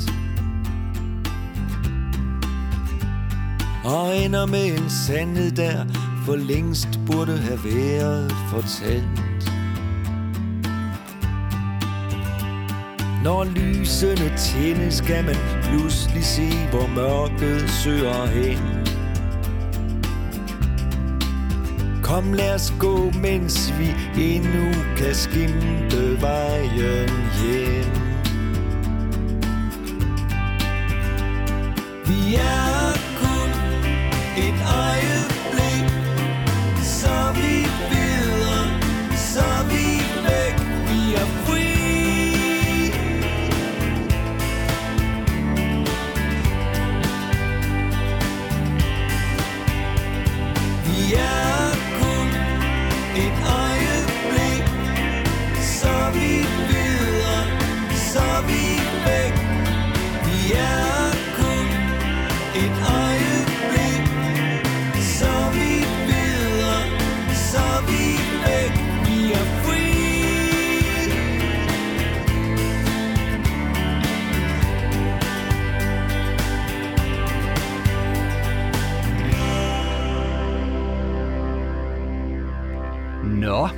her fik vi noget så sjældent som en uhyggelig TV2-sang. Ja, det må du nok sige. Smuk, men ret uhyggelig. Ja, der er meget død i den. Ja. Bjørnen sover måske nok, men pas på, den kan vågne og komme og æde dig, hvis du ikke er varlig. Og ulven fra Rødhætterulven har jo også kun ét mål i livet, nemlig at æde så mange som muligt. Og så kan man sørge med også drukne på halvanden meter venligsindet vand. Ja, for det så ikke skal være løgn, så er der også et dobbeltsidigt hjertesvigt, og noget kan være dødbringende dagligdags. Ja, uha, uha. Der er mange referencer til noget fra et børneunivers i sangen, men det er godt nok blandet op med noget dystert, hva'? Ja, altså til sidst igen er der måske lidt håb i linjen. Når lysene tændes, kan man pludselig se, hvor mørket søger hen. Kom, lad os gå, mens vi endnu kan skimte vejen hjem. Ja, lige det der, det er vist en uh, hilsen til Leonard Cohen, ikke? Uh, han synger jo, There's a crack in everything, that's how the light gets in. Nå ja, nu bliver det dybt og mørkt. Vil du have det mørkere? Nej, lad os øh, skifte emne til noget mere lyst og venligt. Okay, hvad, hvad kunne du tænke dig, tænker du? Jamen, øh, hvad med det ved jeg, jul, for eksempel? Jul? Øh, jo, hvorfor ikke? Det bliver jo altid jul før eller sådan. Ja, det er sjovt, at du præcis siger det, fordi P3 udgav en julebog i 2002, og den hed faktisk, det bliver jo altid jul. Det vidste jeg godt. jeg har jo researchet til det, ikke? Det er da det, du har. Øh, Vi har faktisk bogen herhjemme, men den ligger nederst i den store kasse med julepynt, så jeg kan ikke læse højt fra den. Men jeg har et klip fra fjernsynet, hvor Steffen Brandt fortæller om familiens jul. Det synes jeg da lige, vi skal høre. Hvis julen starter for mig, når ungerne og jeg går op på en, øh, en gård, vi kender, hvor de har sådan en stor plantage, hvor man kan få lov til, som rigtig bybo selv, at jagte og fælde sit træ. Så finder vi så det absolut mest akavede, aparte, skæve træ i plantagen. Og det er en øh, meget, meget spændende opgave, fordi der er alligevel en del kandidater til, til prisen. Og jeg kan sige så meget, at sidste år havde vi et træ med fem toppe. Det gav selvfølgelig anledning til en vis livlig diskussion om, hvem af toppen, der skulle have den endelige stjerne. Men i hvert fald, der starter julen, og så bærer vi det her træ hjem, og så slutter den faktisk, når vi øh, to måneder efter bærer træet tilbage til gården der og, og forlanger at få pengene tilbage, fordi nålen er faldet af. Jeg tror, vi er de eneste, der, der, der, gør, der stadig fastholder vores øh, forbrugernes krav, at det skal, et, et træ det skal kunne holde helt til påske. Det der, det var egentlig sådan et sjældent indblik i, hvordan tingene ser ud hjemme hos øh, Steffen Brandt. Øh, og det er helt sikkert 100% autentisk og sandt. Er det ikke? Eller noget. Ja, eller noget. Noget helt andet noget, det er, at Steffen Brandt, han, øh, han blev kongelig hofleverandør der i 2002. Okay, hvad for noget? Sendte de stadigvæk deres plader til kronprins Frederik og prins Joachim? Ja, det kan godt være, men, øh, nej, men vi skal et helt andet sted hen. Øh, vi skal nemlig til Paris igen. Fedt. Jeg vil også hellere til Paris og se Venedig og dø, ved du nok. Ja, det ved jeg. Øh, ironisk nok, så var det faktisk på grund af et byggeprojekt, at Steffen Brandt han, øh, tog til Paris. Bliver det mystisk? Ja, man havde nemlig gennemført en større renovering af det danske hus på Champs-Élysées, mm. og til genindvielsen af huset havde man inviteret dronning Margrethe, prins Henrik og Steffen Brandt. Ah, fornemt. Mm-hmm.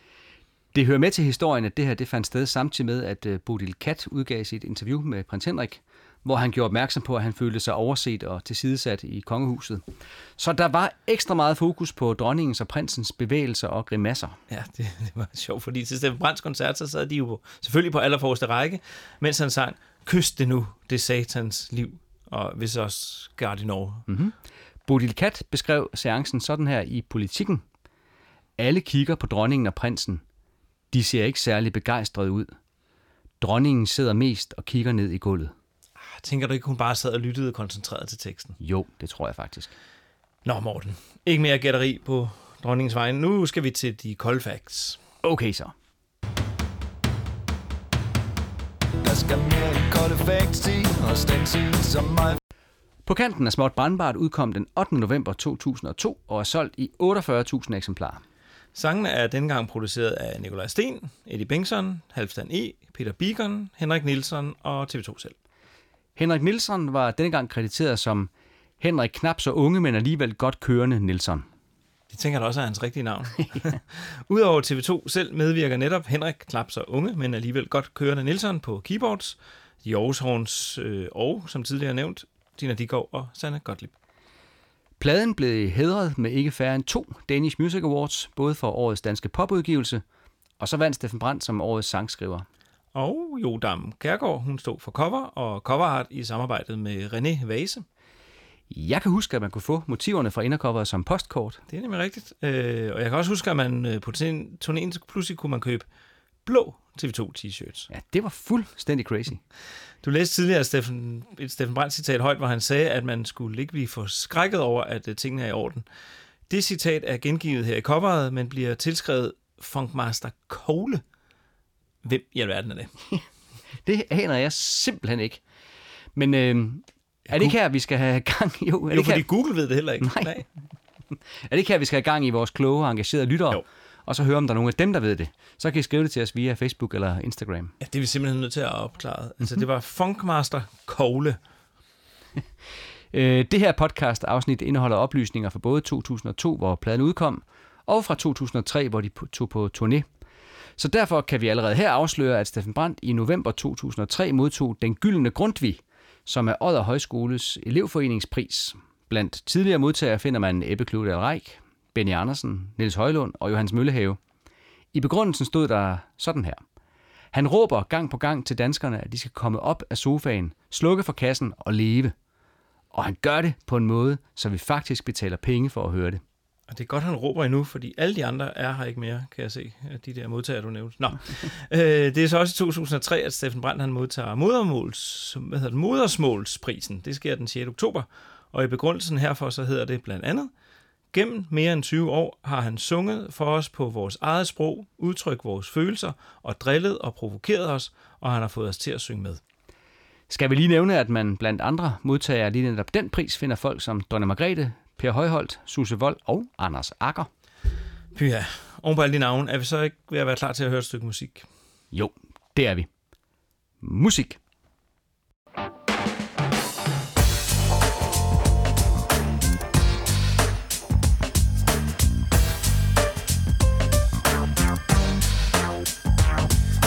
Målløs i Malmø, sindssyg i gerningsøjeblikket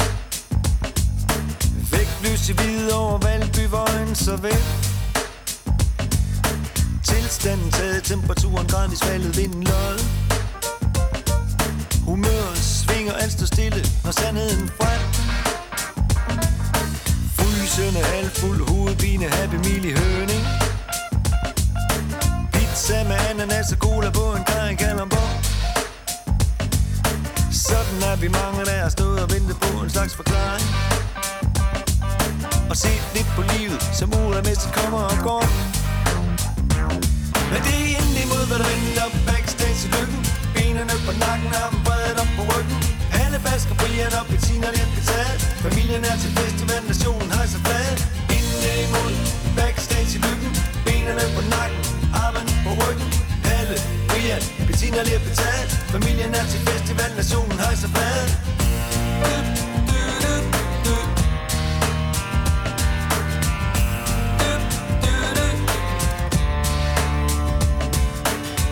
Smart disc, jockey smadrer pat og dobbelt på den dumme.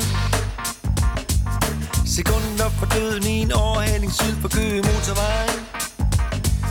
Og der kommer Klods med mudder i masken til de kloge. Skrupelløs korrekt politisk lige til stregen. Rodeløs i Anders, Rundt tosset rundt omkring på Selma. Forelsket i fremtidens fravær af sandsynlighed. På vej ud af busken midt om natten Springer kæden af historien. Jeg elsker dig babe Mens vi restløst tumler afsted. Men det er endelig imod, hvad der venter backstage i lykken. Benene på nakken, armen bredt op på ryggen. Alle basker, Brian og Bettina lidt betalt Familien er til festival, nationen har hejser flad. Endelig imod backstage i lykken. Benene på nakken, Brian, Bettina Familien er til festival, nationen hejser flad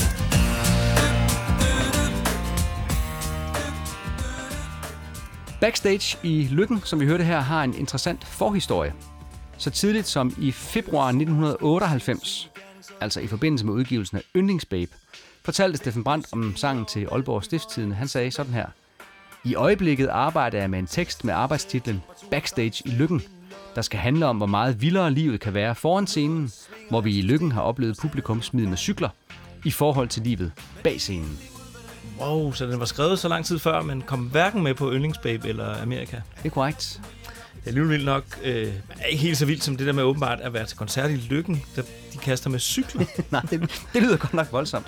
Jeg har faktisk været til koncert i Lykken flere gange, men jeg har altså aldrig oplevet nogen kaste med cykler. Til gengæld har jeg været backstage. Så nu sidder du og fortæller mig, at du har været backstage i Lykken. Det er lige præcis det, jeg fortæller dig. Jeg havde lavet en øh, skummel aftale med Svend Gavl og Georg Olsen om, at jeg kunne komme ud og få taget et billede sammen med dem og mine børn. Hvorfor lige de to? Altså, og så din... Nå ja, selvfølgelig. Svend og Geo, det er jo det, din drenge hedder.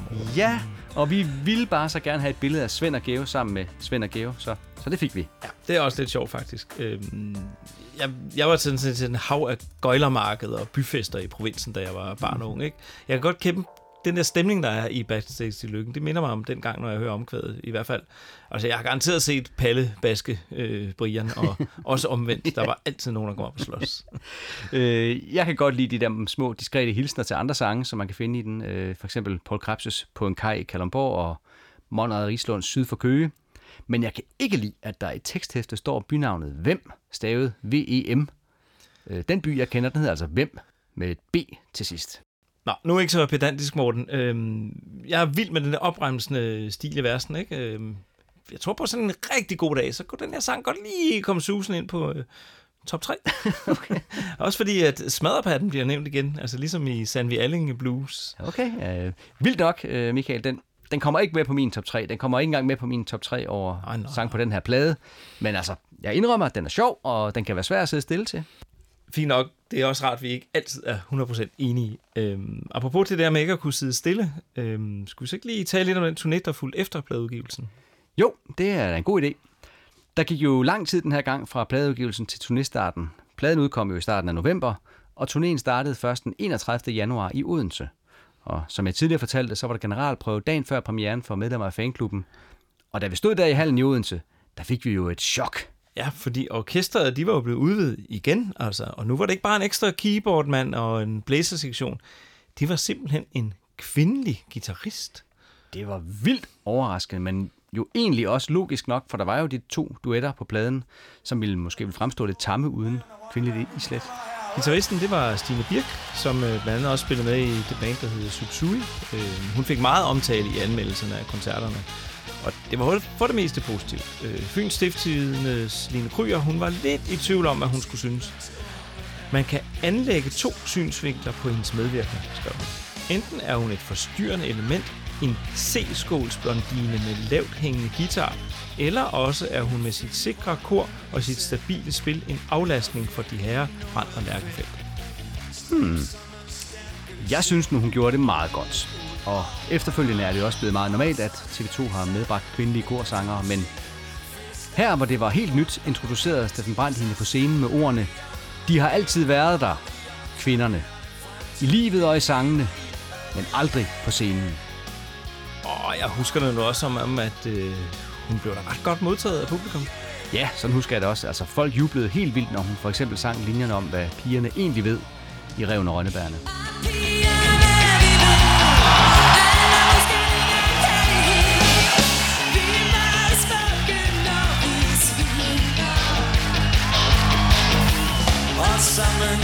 De frem Karriere, hun og hjem Alle hver for sig og lige glade Jan Eriksen han anmeldte turnépremieren i BT og gav TV2 6 stjerner ud af 6 mulige med de her ord. Det band har saft, kraft og swing, så det i momenter næsten syder af funk og Motown. Hold kæft, det er tæt og udstråler spilletid. Sådan. I forbindelse med en koncert i Helsingør, offentliggjorde det lokale dagblad dele af TV2's Rider, altså listen over, hvilke krav orkestret havde til f.eks. forplejning backstage. De mente, at TV2's cateringplan nærmest lignede et oplæg til en børnefødselsdag, med masser af sodavand og slik. Og derfor valgte spillestedets chef at supplere listen med en kagemand. Og apropos alt det der med børn, jeg kunne godt lige have lyst til at springe frem til september 2003, hvor TV2 deltog i projektet Mærk Suset. Og suset var i det her tilfælde ikke suset fra Vesterhavet, men derimod suset fra 600 gymnasieelevers struber. Det er nemlig rigtigt. Øh, gymnasiekor fra hele det daværende Ringkøbing Amt var blevet inviteret til at optræde sammen med TV2, hvis øh, sangen så var blevet tilføjet øh, korarrangementer. Øh, Jens Johansen havde lavet arrangementerne, og mange af disse blev senere udgivet i nodebogen Lykke på rejsen. Man kan spørge sig selv, om ikke det er svært at nedfælde Steffen Brands måde at synge på i nodeformat, og jo, det er det. Som Jens Johansen selv skrev i forordet til nodebogen, vi ved godt, at Steffen Brands deklamatoriske sangstil ikke lader sig indfange i et tørt nodebillede. Det er klamatorisk sangstil. Ja, ja, ja.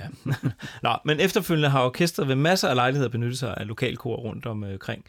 Men øh, lad os lige høre fra den originale opførelse øh, i Herning på en græscenter. Jeps, her kommer lidt af Bjørnen sover. De bjørn sover rødhætte unge Det er barndoms land Det er historien om at drukne på Halvanden meter venlig sindet vand.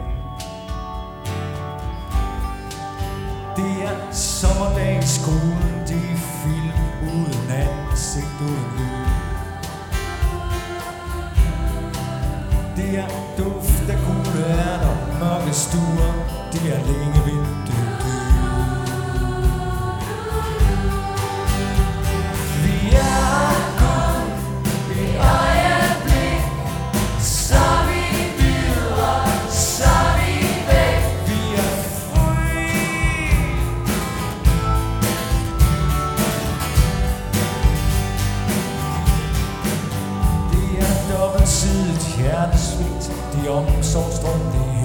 mest privat Det er dødbringende dagligdag, så almindeligt det næsten kun kan gå galt. Det er højt flyvende drømme, der er mindst hundrede undskyldninger i. Han er noget så sjældent som intellektuelt sexet, som en forbudt dans mellem en kælen pandabjørn og en udsultet hundulv. Som en verbal bokser rammer hans ord og fortællinger lige i mellemgulvet på den til enhver tid herskende generation. Sådan lidt H.C. Andersen tilsat 1, 2, 3 og lidt guitar. En af dem, der spræller mest højt råbende for livet i overfladighedens, overfladiskheden tid, er Steffen Brandt og verdens kedeligste orkester TV2, der på år 2002 står på kanten af småt brandbart. Jeg synes, vi skylder seerne at gøre opmærksom på, at den der indledning, den har jeg faktisk selv skrevet. Den er selv tænkt i forvejen.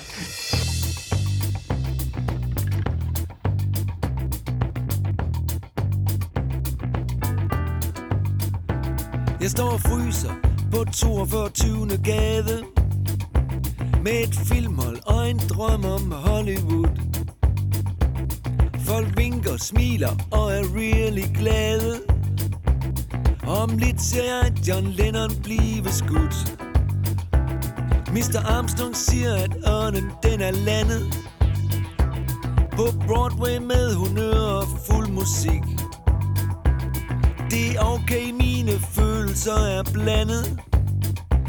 Men hvad gør Shakespeare i amerikansk politik? Der går Romeo og Julie Må de mødes igen. Og Hamlet og Ophelia har forladt bygningen. Et præsident er billede for en hest og ti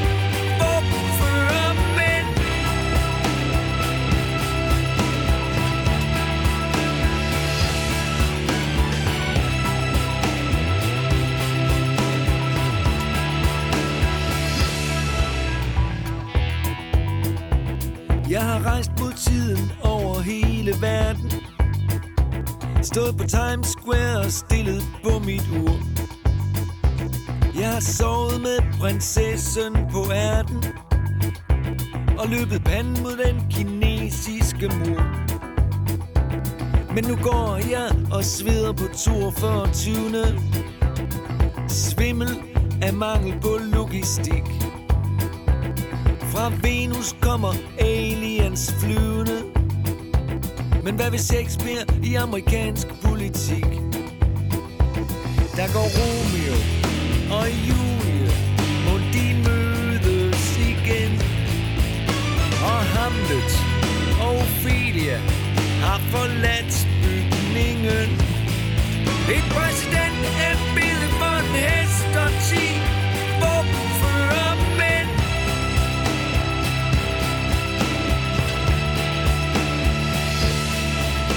Jeg står på 42. Street.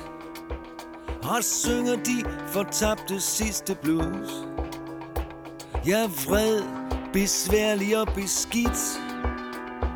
Jeg tror jeg sætter ild til mit hus. Men brandfolk i New York, de kan slukke.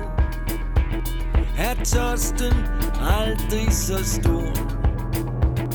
Jeg nægter kategorisk at lukke. Og hvad skal Shakespeare med et uopklaret mor? Der går Romeo og Julie Må de mødes igen. Og Hamlet og Ophelia har forladt bygningen. Et præsident er billede for en hest og ti.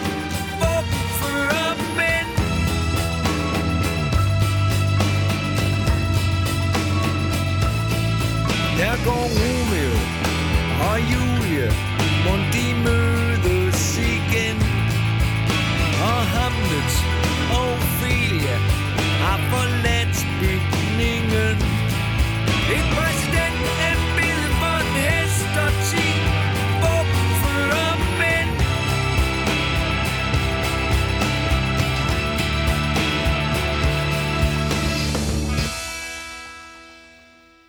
Og så fik vi hørt pladens næst sidste nummer, en sang, om hvilken Claus Lyngård i Information sagde, at den sad lige i det skab, Bob Dylan engang boede i. Okay, så det har Steffen Brandt garanteret været glad for at læse. Ja, det tænker jeg også. Jeg har det lidt svært med den her sang, faktisk. Mm. Mm. Altså, jeg kan godt lide den der tunge guitar i omkvædet, men ej, det er ikke min yndlingssang. Øh, kan du huske, da TV2 optrådte på Rådhuspladsen i 2007 i forbindelse med udgivelsen af For dig kunne jeg gøre alting? Ja, ja, selvfølgelig. Jeg var der. det var jeg også. Der var øh, Steffen Brandt i studiet i aftenshowet først, og her var der også besøg af en lille dreng, der hed Magnus. Og han påstod, at lige præcis Shakespeare i amerikansk politik var hans yndlings TV2-sang. Ja, det kan jeg også huske, fordi det var jo, det var jo virkelig mærkeligt. Og jeg kan også huske, at Steffen Brandt, han blev også noget chokeret over det der svar. Ja, øhm, men altså, vi kan da godt blive enige om, at det er en meget ambitiøs sang, om, om ikke andet, med indtil flere stilskift undervejs. Helt sikkert. Og litterære referencer, det var der jo også blevet plads til. Øh, her for eksempel fra Shakespeares øh, Richard den 3., hvor det hedder En hest, en hest, mit kongerige for en hest. Ja, her hedder det et præsidentembede for en hest og 10 våbenfører mænd. En nærmest øh, skræmmende og profetisk linje, når man tænker på, hvor galt det senere gik i amerikansk politik. Ja, jeg tror, at Steffen Brandt og rigtig mange andre europæere, de, de, de kunne slet ikke forestille sig, at det kunne blive værre, end det var på det tidspunkt, men øh, der blev vi lidt klogere nogle år senere. jo, ja. Steffen Brandt øh, beskrev selv sangen som et forsøg på at beskrive en verden ude af balance. Vi skal også tænke på, at den udkom bare et år efter 11. september. Ja, det er rigtigt. Øhm, og det er nok også derfor, at New Yorks brandfolk de skulle med. Øhm, jeg tror bare, jeg bedst kan lide Steffen Brandt, øh, når han bliver i Danmark øh, og synger lidt om os selv. Altså, en tur til Ægypten, det går an, men øh, ja, hvis jeg skal sige noget positivt, så synes jeg, at det er hyggeligt at have Romeo og Julie tilbage i en TV2-sang. Ja, det er jo vigtigt at følge op på, hvordan personerne fra gamle sange har det. Øh, til Bornholms Tidene fortalte Steffen Brandt i 2003, at øh, Vanilla fra Der går min klasselærer nu var blevet gift og havde fået børn, og at hun havde det godt. Klasselæreren var fornuftig nok til at tage det til efterretning. Han underviste stadig og var meget afholdt af sine elever. Dejligt, men mm-hmm. øh, lige præcis det interview, det tænker jeg, at øh, forfatteren Stine Pilgaard ikke har fået læst. fordi som vi overtalte i et tidligere afsnit, så får Vanille og klasselæreren jo hinanden i øh, hendes roman der, Meter i sekundet. Ja, altså hvis nu hun lytter til den her podcast, så kan hun måske nå at ændre det til næste oplag. Ah, det tror jeg ikke, men øh, jeg kan nu også godt lide den version, hvor de får hinanden. Ja, ja, helt sikkert. øhm, et af de tilbagevendende emner her i podcasten har været Steffen Brands brug af ironi, eller faktisk i endnu højere grad, hvordan han hele tiden gennem karrieren har skulle forholde sig til sin brug af ironi. Ja, altså både når han vidderligt har brugt ironi, men også når han pludselig ikke brugte den. Mm-hmm. Til BT måtte han igen igen forklare om sit brug af ironi. Jeg bruger ikke ironi for at glide af på ting. Tværtimod. Men uden ironi ville mine tekster blive for patetiske. Jeg gider ikke være en patetisk mand, der sidder og skriver følelsesfulde sange. Jeg vil have, der står noget. Jeg vil have, at der står noget på spil. Jeg gider ikke føleri. Det bliver for selvsmagende og selvgodt. Og om emnet sangskrivning sagde han sådan her til Fyns Stifttidende. Jeg kan godt lide, når tilværelsen en gang imellem skal ned og blive en sag mellem mig og en sang. Når man er nødt til at rumme den i fire vers og et omkvæd. Det er for mig ikke at gå i enrum, men i plenum. Jeg er bare sat til at tage referat. Jeg hælder overskrifterne eller de væsentligste ting ud af sådan en lang diskussion med salen. Og en af disse sager mellem Steffen Brandt og en sang, det er jo historien om den gang, hvor han satte sig ned og skrev et brev til filmstjernen Yvonne Ingdal. Ja, så endnu en gang har Steffen Brandt fået kombinationen brev og pigenavn til at blive til en sang. På kystbruden blev det til Line Jørgensen Voldum. Her er det blevet til den smukke slutballade Yvonne Ingdal, som vi vil spille nu. Jeg husker dig. Yvonne Ingdal Du stjerne fra en frygtløs tid. Min film fra den gang. Fra den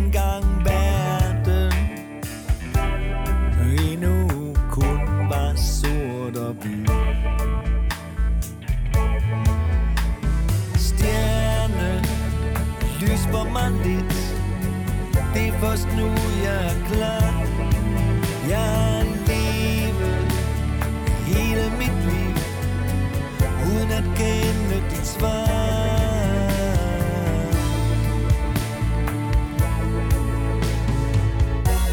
Jeg var der selv. Yvonne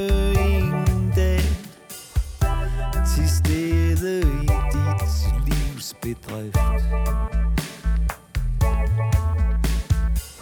Du forførte os. Fortabte hjerter. Midt i historiens sceneskift. Stjerne Lys for mig lidt Det er først nu jeg er klar.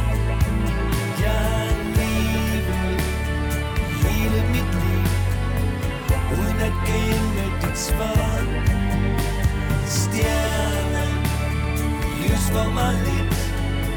Det er først nu jeg er klar. Jeg har levet hele mit liv Uden at kende dit svar.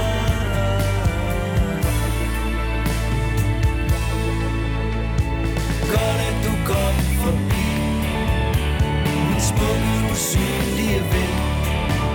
Der var som om denne ny. Jeg troede aldrig jeg skulle se dig igen.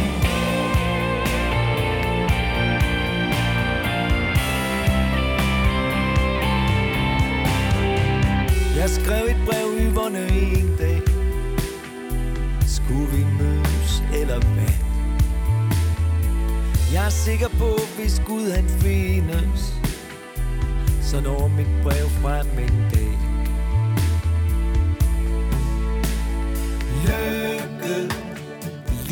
mig lidt. Det er først nu jeg er klar. Jeg har ventet hele mit liv På at kende dit svar. Lykke giv os mig lidt. Det er først nu jeg er klar. Jeg har ventet hele mit liv På at kende dit svar.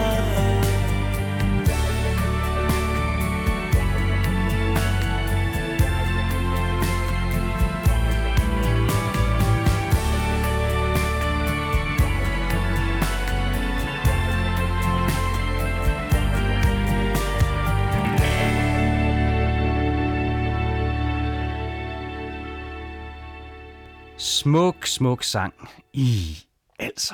Hvad siger du, Michael? Hvis du skulle skrive et brev til en filmstjerne, som du var vild med engang, hvem skulle det så være? Åh, oh, det var jeg ikke lige forberedt på det spørgsmål. Øh, Hvem skulle jeg skrive til? Hmm.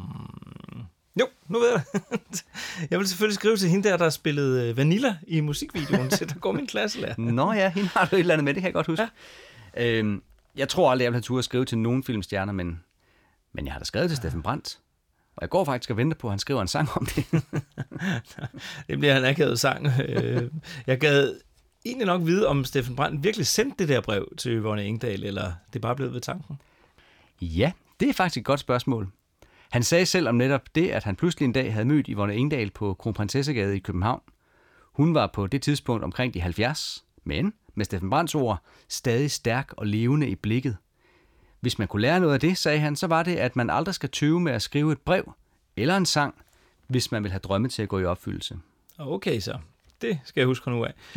øhm, Yvonne Engdals øh, filmkarriere, den strak sig primært over perioden 61 til øh, 69. Øhm, når jeg kigger over listen af over hendes film, så den eneste, der sådan lige springer øjnene for mig, det er den, der hedder Forelsket i København, hvor hun havde en rolle som øh, gymnastikpige. Øh, men hun har også optrådt på teater, og hun har også indsunget øh, plader. Mm-hmm. Øh, Claus Lyngård hævdede i Information, at de var en hel generation af drenge, der sad og sukkede over hende i biografens tusmørke, dengang verden altså var sort og hvid. Ja, Yvonne Engdahl er jo ikke det eneste stinkende møghed, der handler om dengang verden var sort og hvid. okay. Hvad for et stinkende møghit, tænker du ellers på? Jamen, jeg tænker selvfølgelig på det der, at øh, vi synger ude på Brøndby Stadion uge efter uge, øh, hvor vi synger, ingen vidste der noget om Vestegnen dengang i 60'erne, da verden var i sort-hvid. Brøndby ånden ændrede på det. Et halvt århundrede til for gul og blå, eller sådan noget. Ja. Okay, den kendte jeg så overhovedet ikke. Nej. Den er vist ikke et uh, stinkende møghit så mange andre steder end på Brøndby Stadion, er den? Altså, det er den da, fordi vi synger den jo også, når vi er på udebane, ikke? Så, nå, lad nu det ligge. Øhm, øh, vi skal til noget andet, der er meget spændende, som øh, alt andet lige må være nyt for alle, der lytter med. Ja, helt eksklusivt og med ene ret, for vi taler kun om TV2, så kan vi nu invitere jer med en tur dybt ned i TV2's maskinrum. Her, hvor der bliver afprøvet idéer, eksperimenteret med lyde og arrangementer, og her, hvor de virkelig leger sig frem til det, der ender med at blive de mesterværker, som vi kender og elsker. Ja, fordi vi har nemlig simpelthen fået lov til at spille en demo-version af Yvonne Engdahl. Og det er en version, hvor man virkelig kan høre, at de engang mellem afprøver sådan nogle crazy ting, øh, inden de når frem til det endelige resultat i samarbejde med en producer, og i det her tilfælde, så var det Nikolaj Sten. Så læn jer tilbage og nyd denne rejse rundt i en sang, som I godt kender, men som I garanteret aldrig har hørt på den her måde før.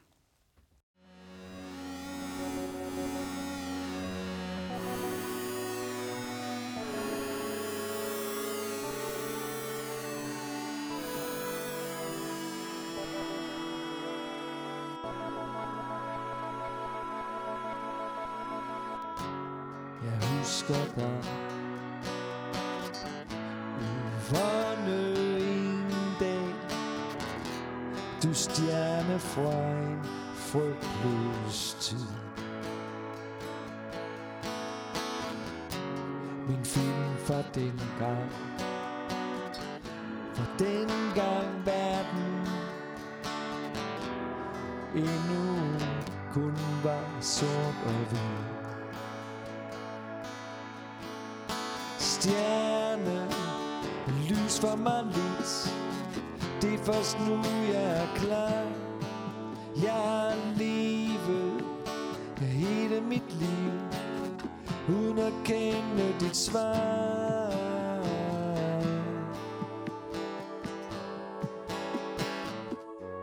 Jeg var der selv. Yvonne i til stede i dit livs bedrift. Du forførte os, fortabte hjerter, midt i historiens sceneskift.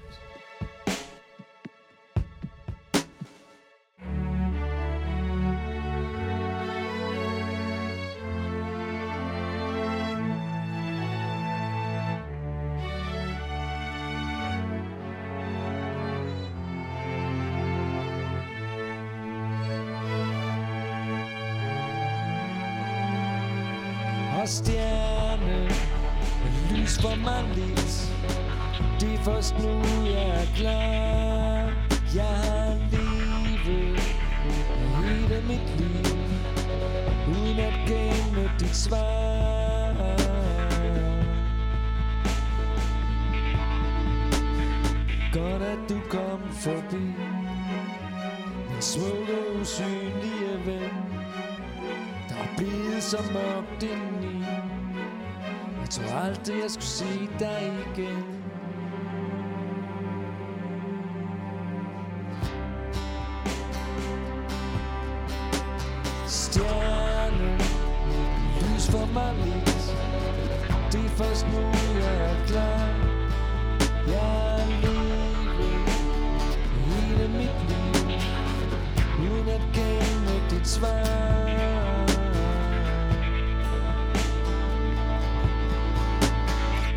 Jeg skrev et brev i Yvonne Engdahl Skulle vi mødes eller hvad? Jeg er sikker på, hvis Gud han findes Så når mit brev frem en dag. Og lykke Giv mig lidt. Det er først nu jeg er klar. Jeg har ventet hele mit liv. Dit svar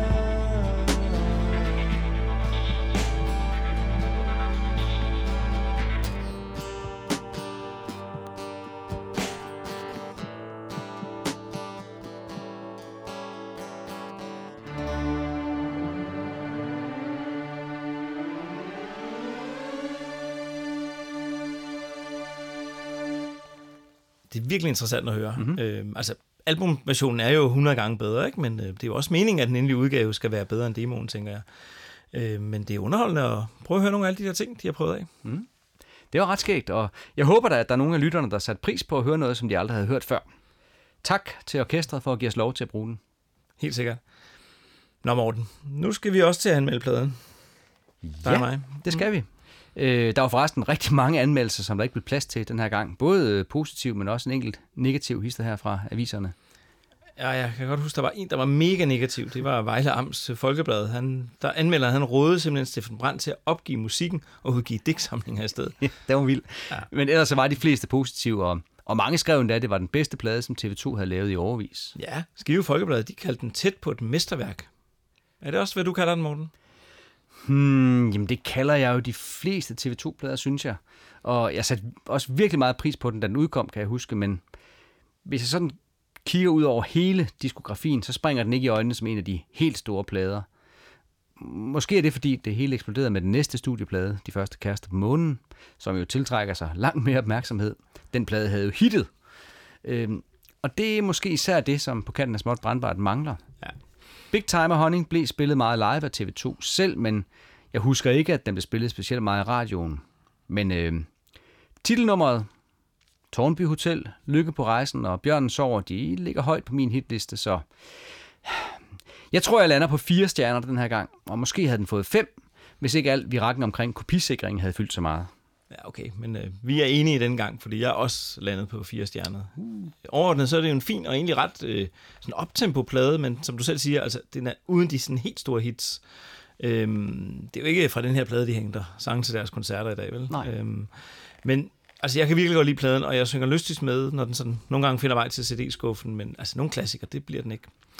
Et, altså, da jeg sad lige og kiggede på det kort øjeblik, kun et kort, så tænkte jeg, at den skulle have tre stjerner, men der er også to numre på min top 3, ikke? Det så, rigtigt. så den, jeg landede på fire stjerner. Ja, men det er en øh, færre bedømmelse, Michael. Næste gang, så skal vi tale om endnu en opsamlingsplade, nemlig Hits, og som tidligere nævnt, så bliver det et afsnit, vi optager foran et levende publikum på Ragnarok i Roskilde. Det glæder jeg mig til. Mm. Faktisk så meget, at øh, jeg får lyst til uge. Jamen, øh, lad os gøre det så. 1, 2, 3, uk.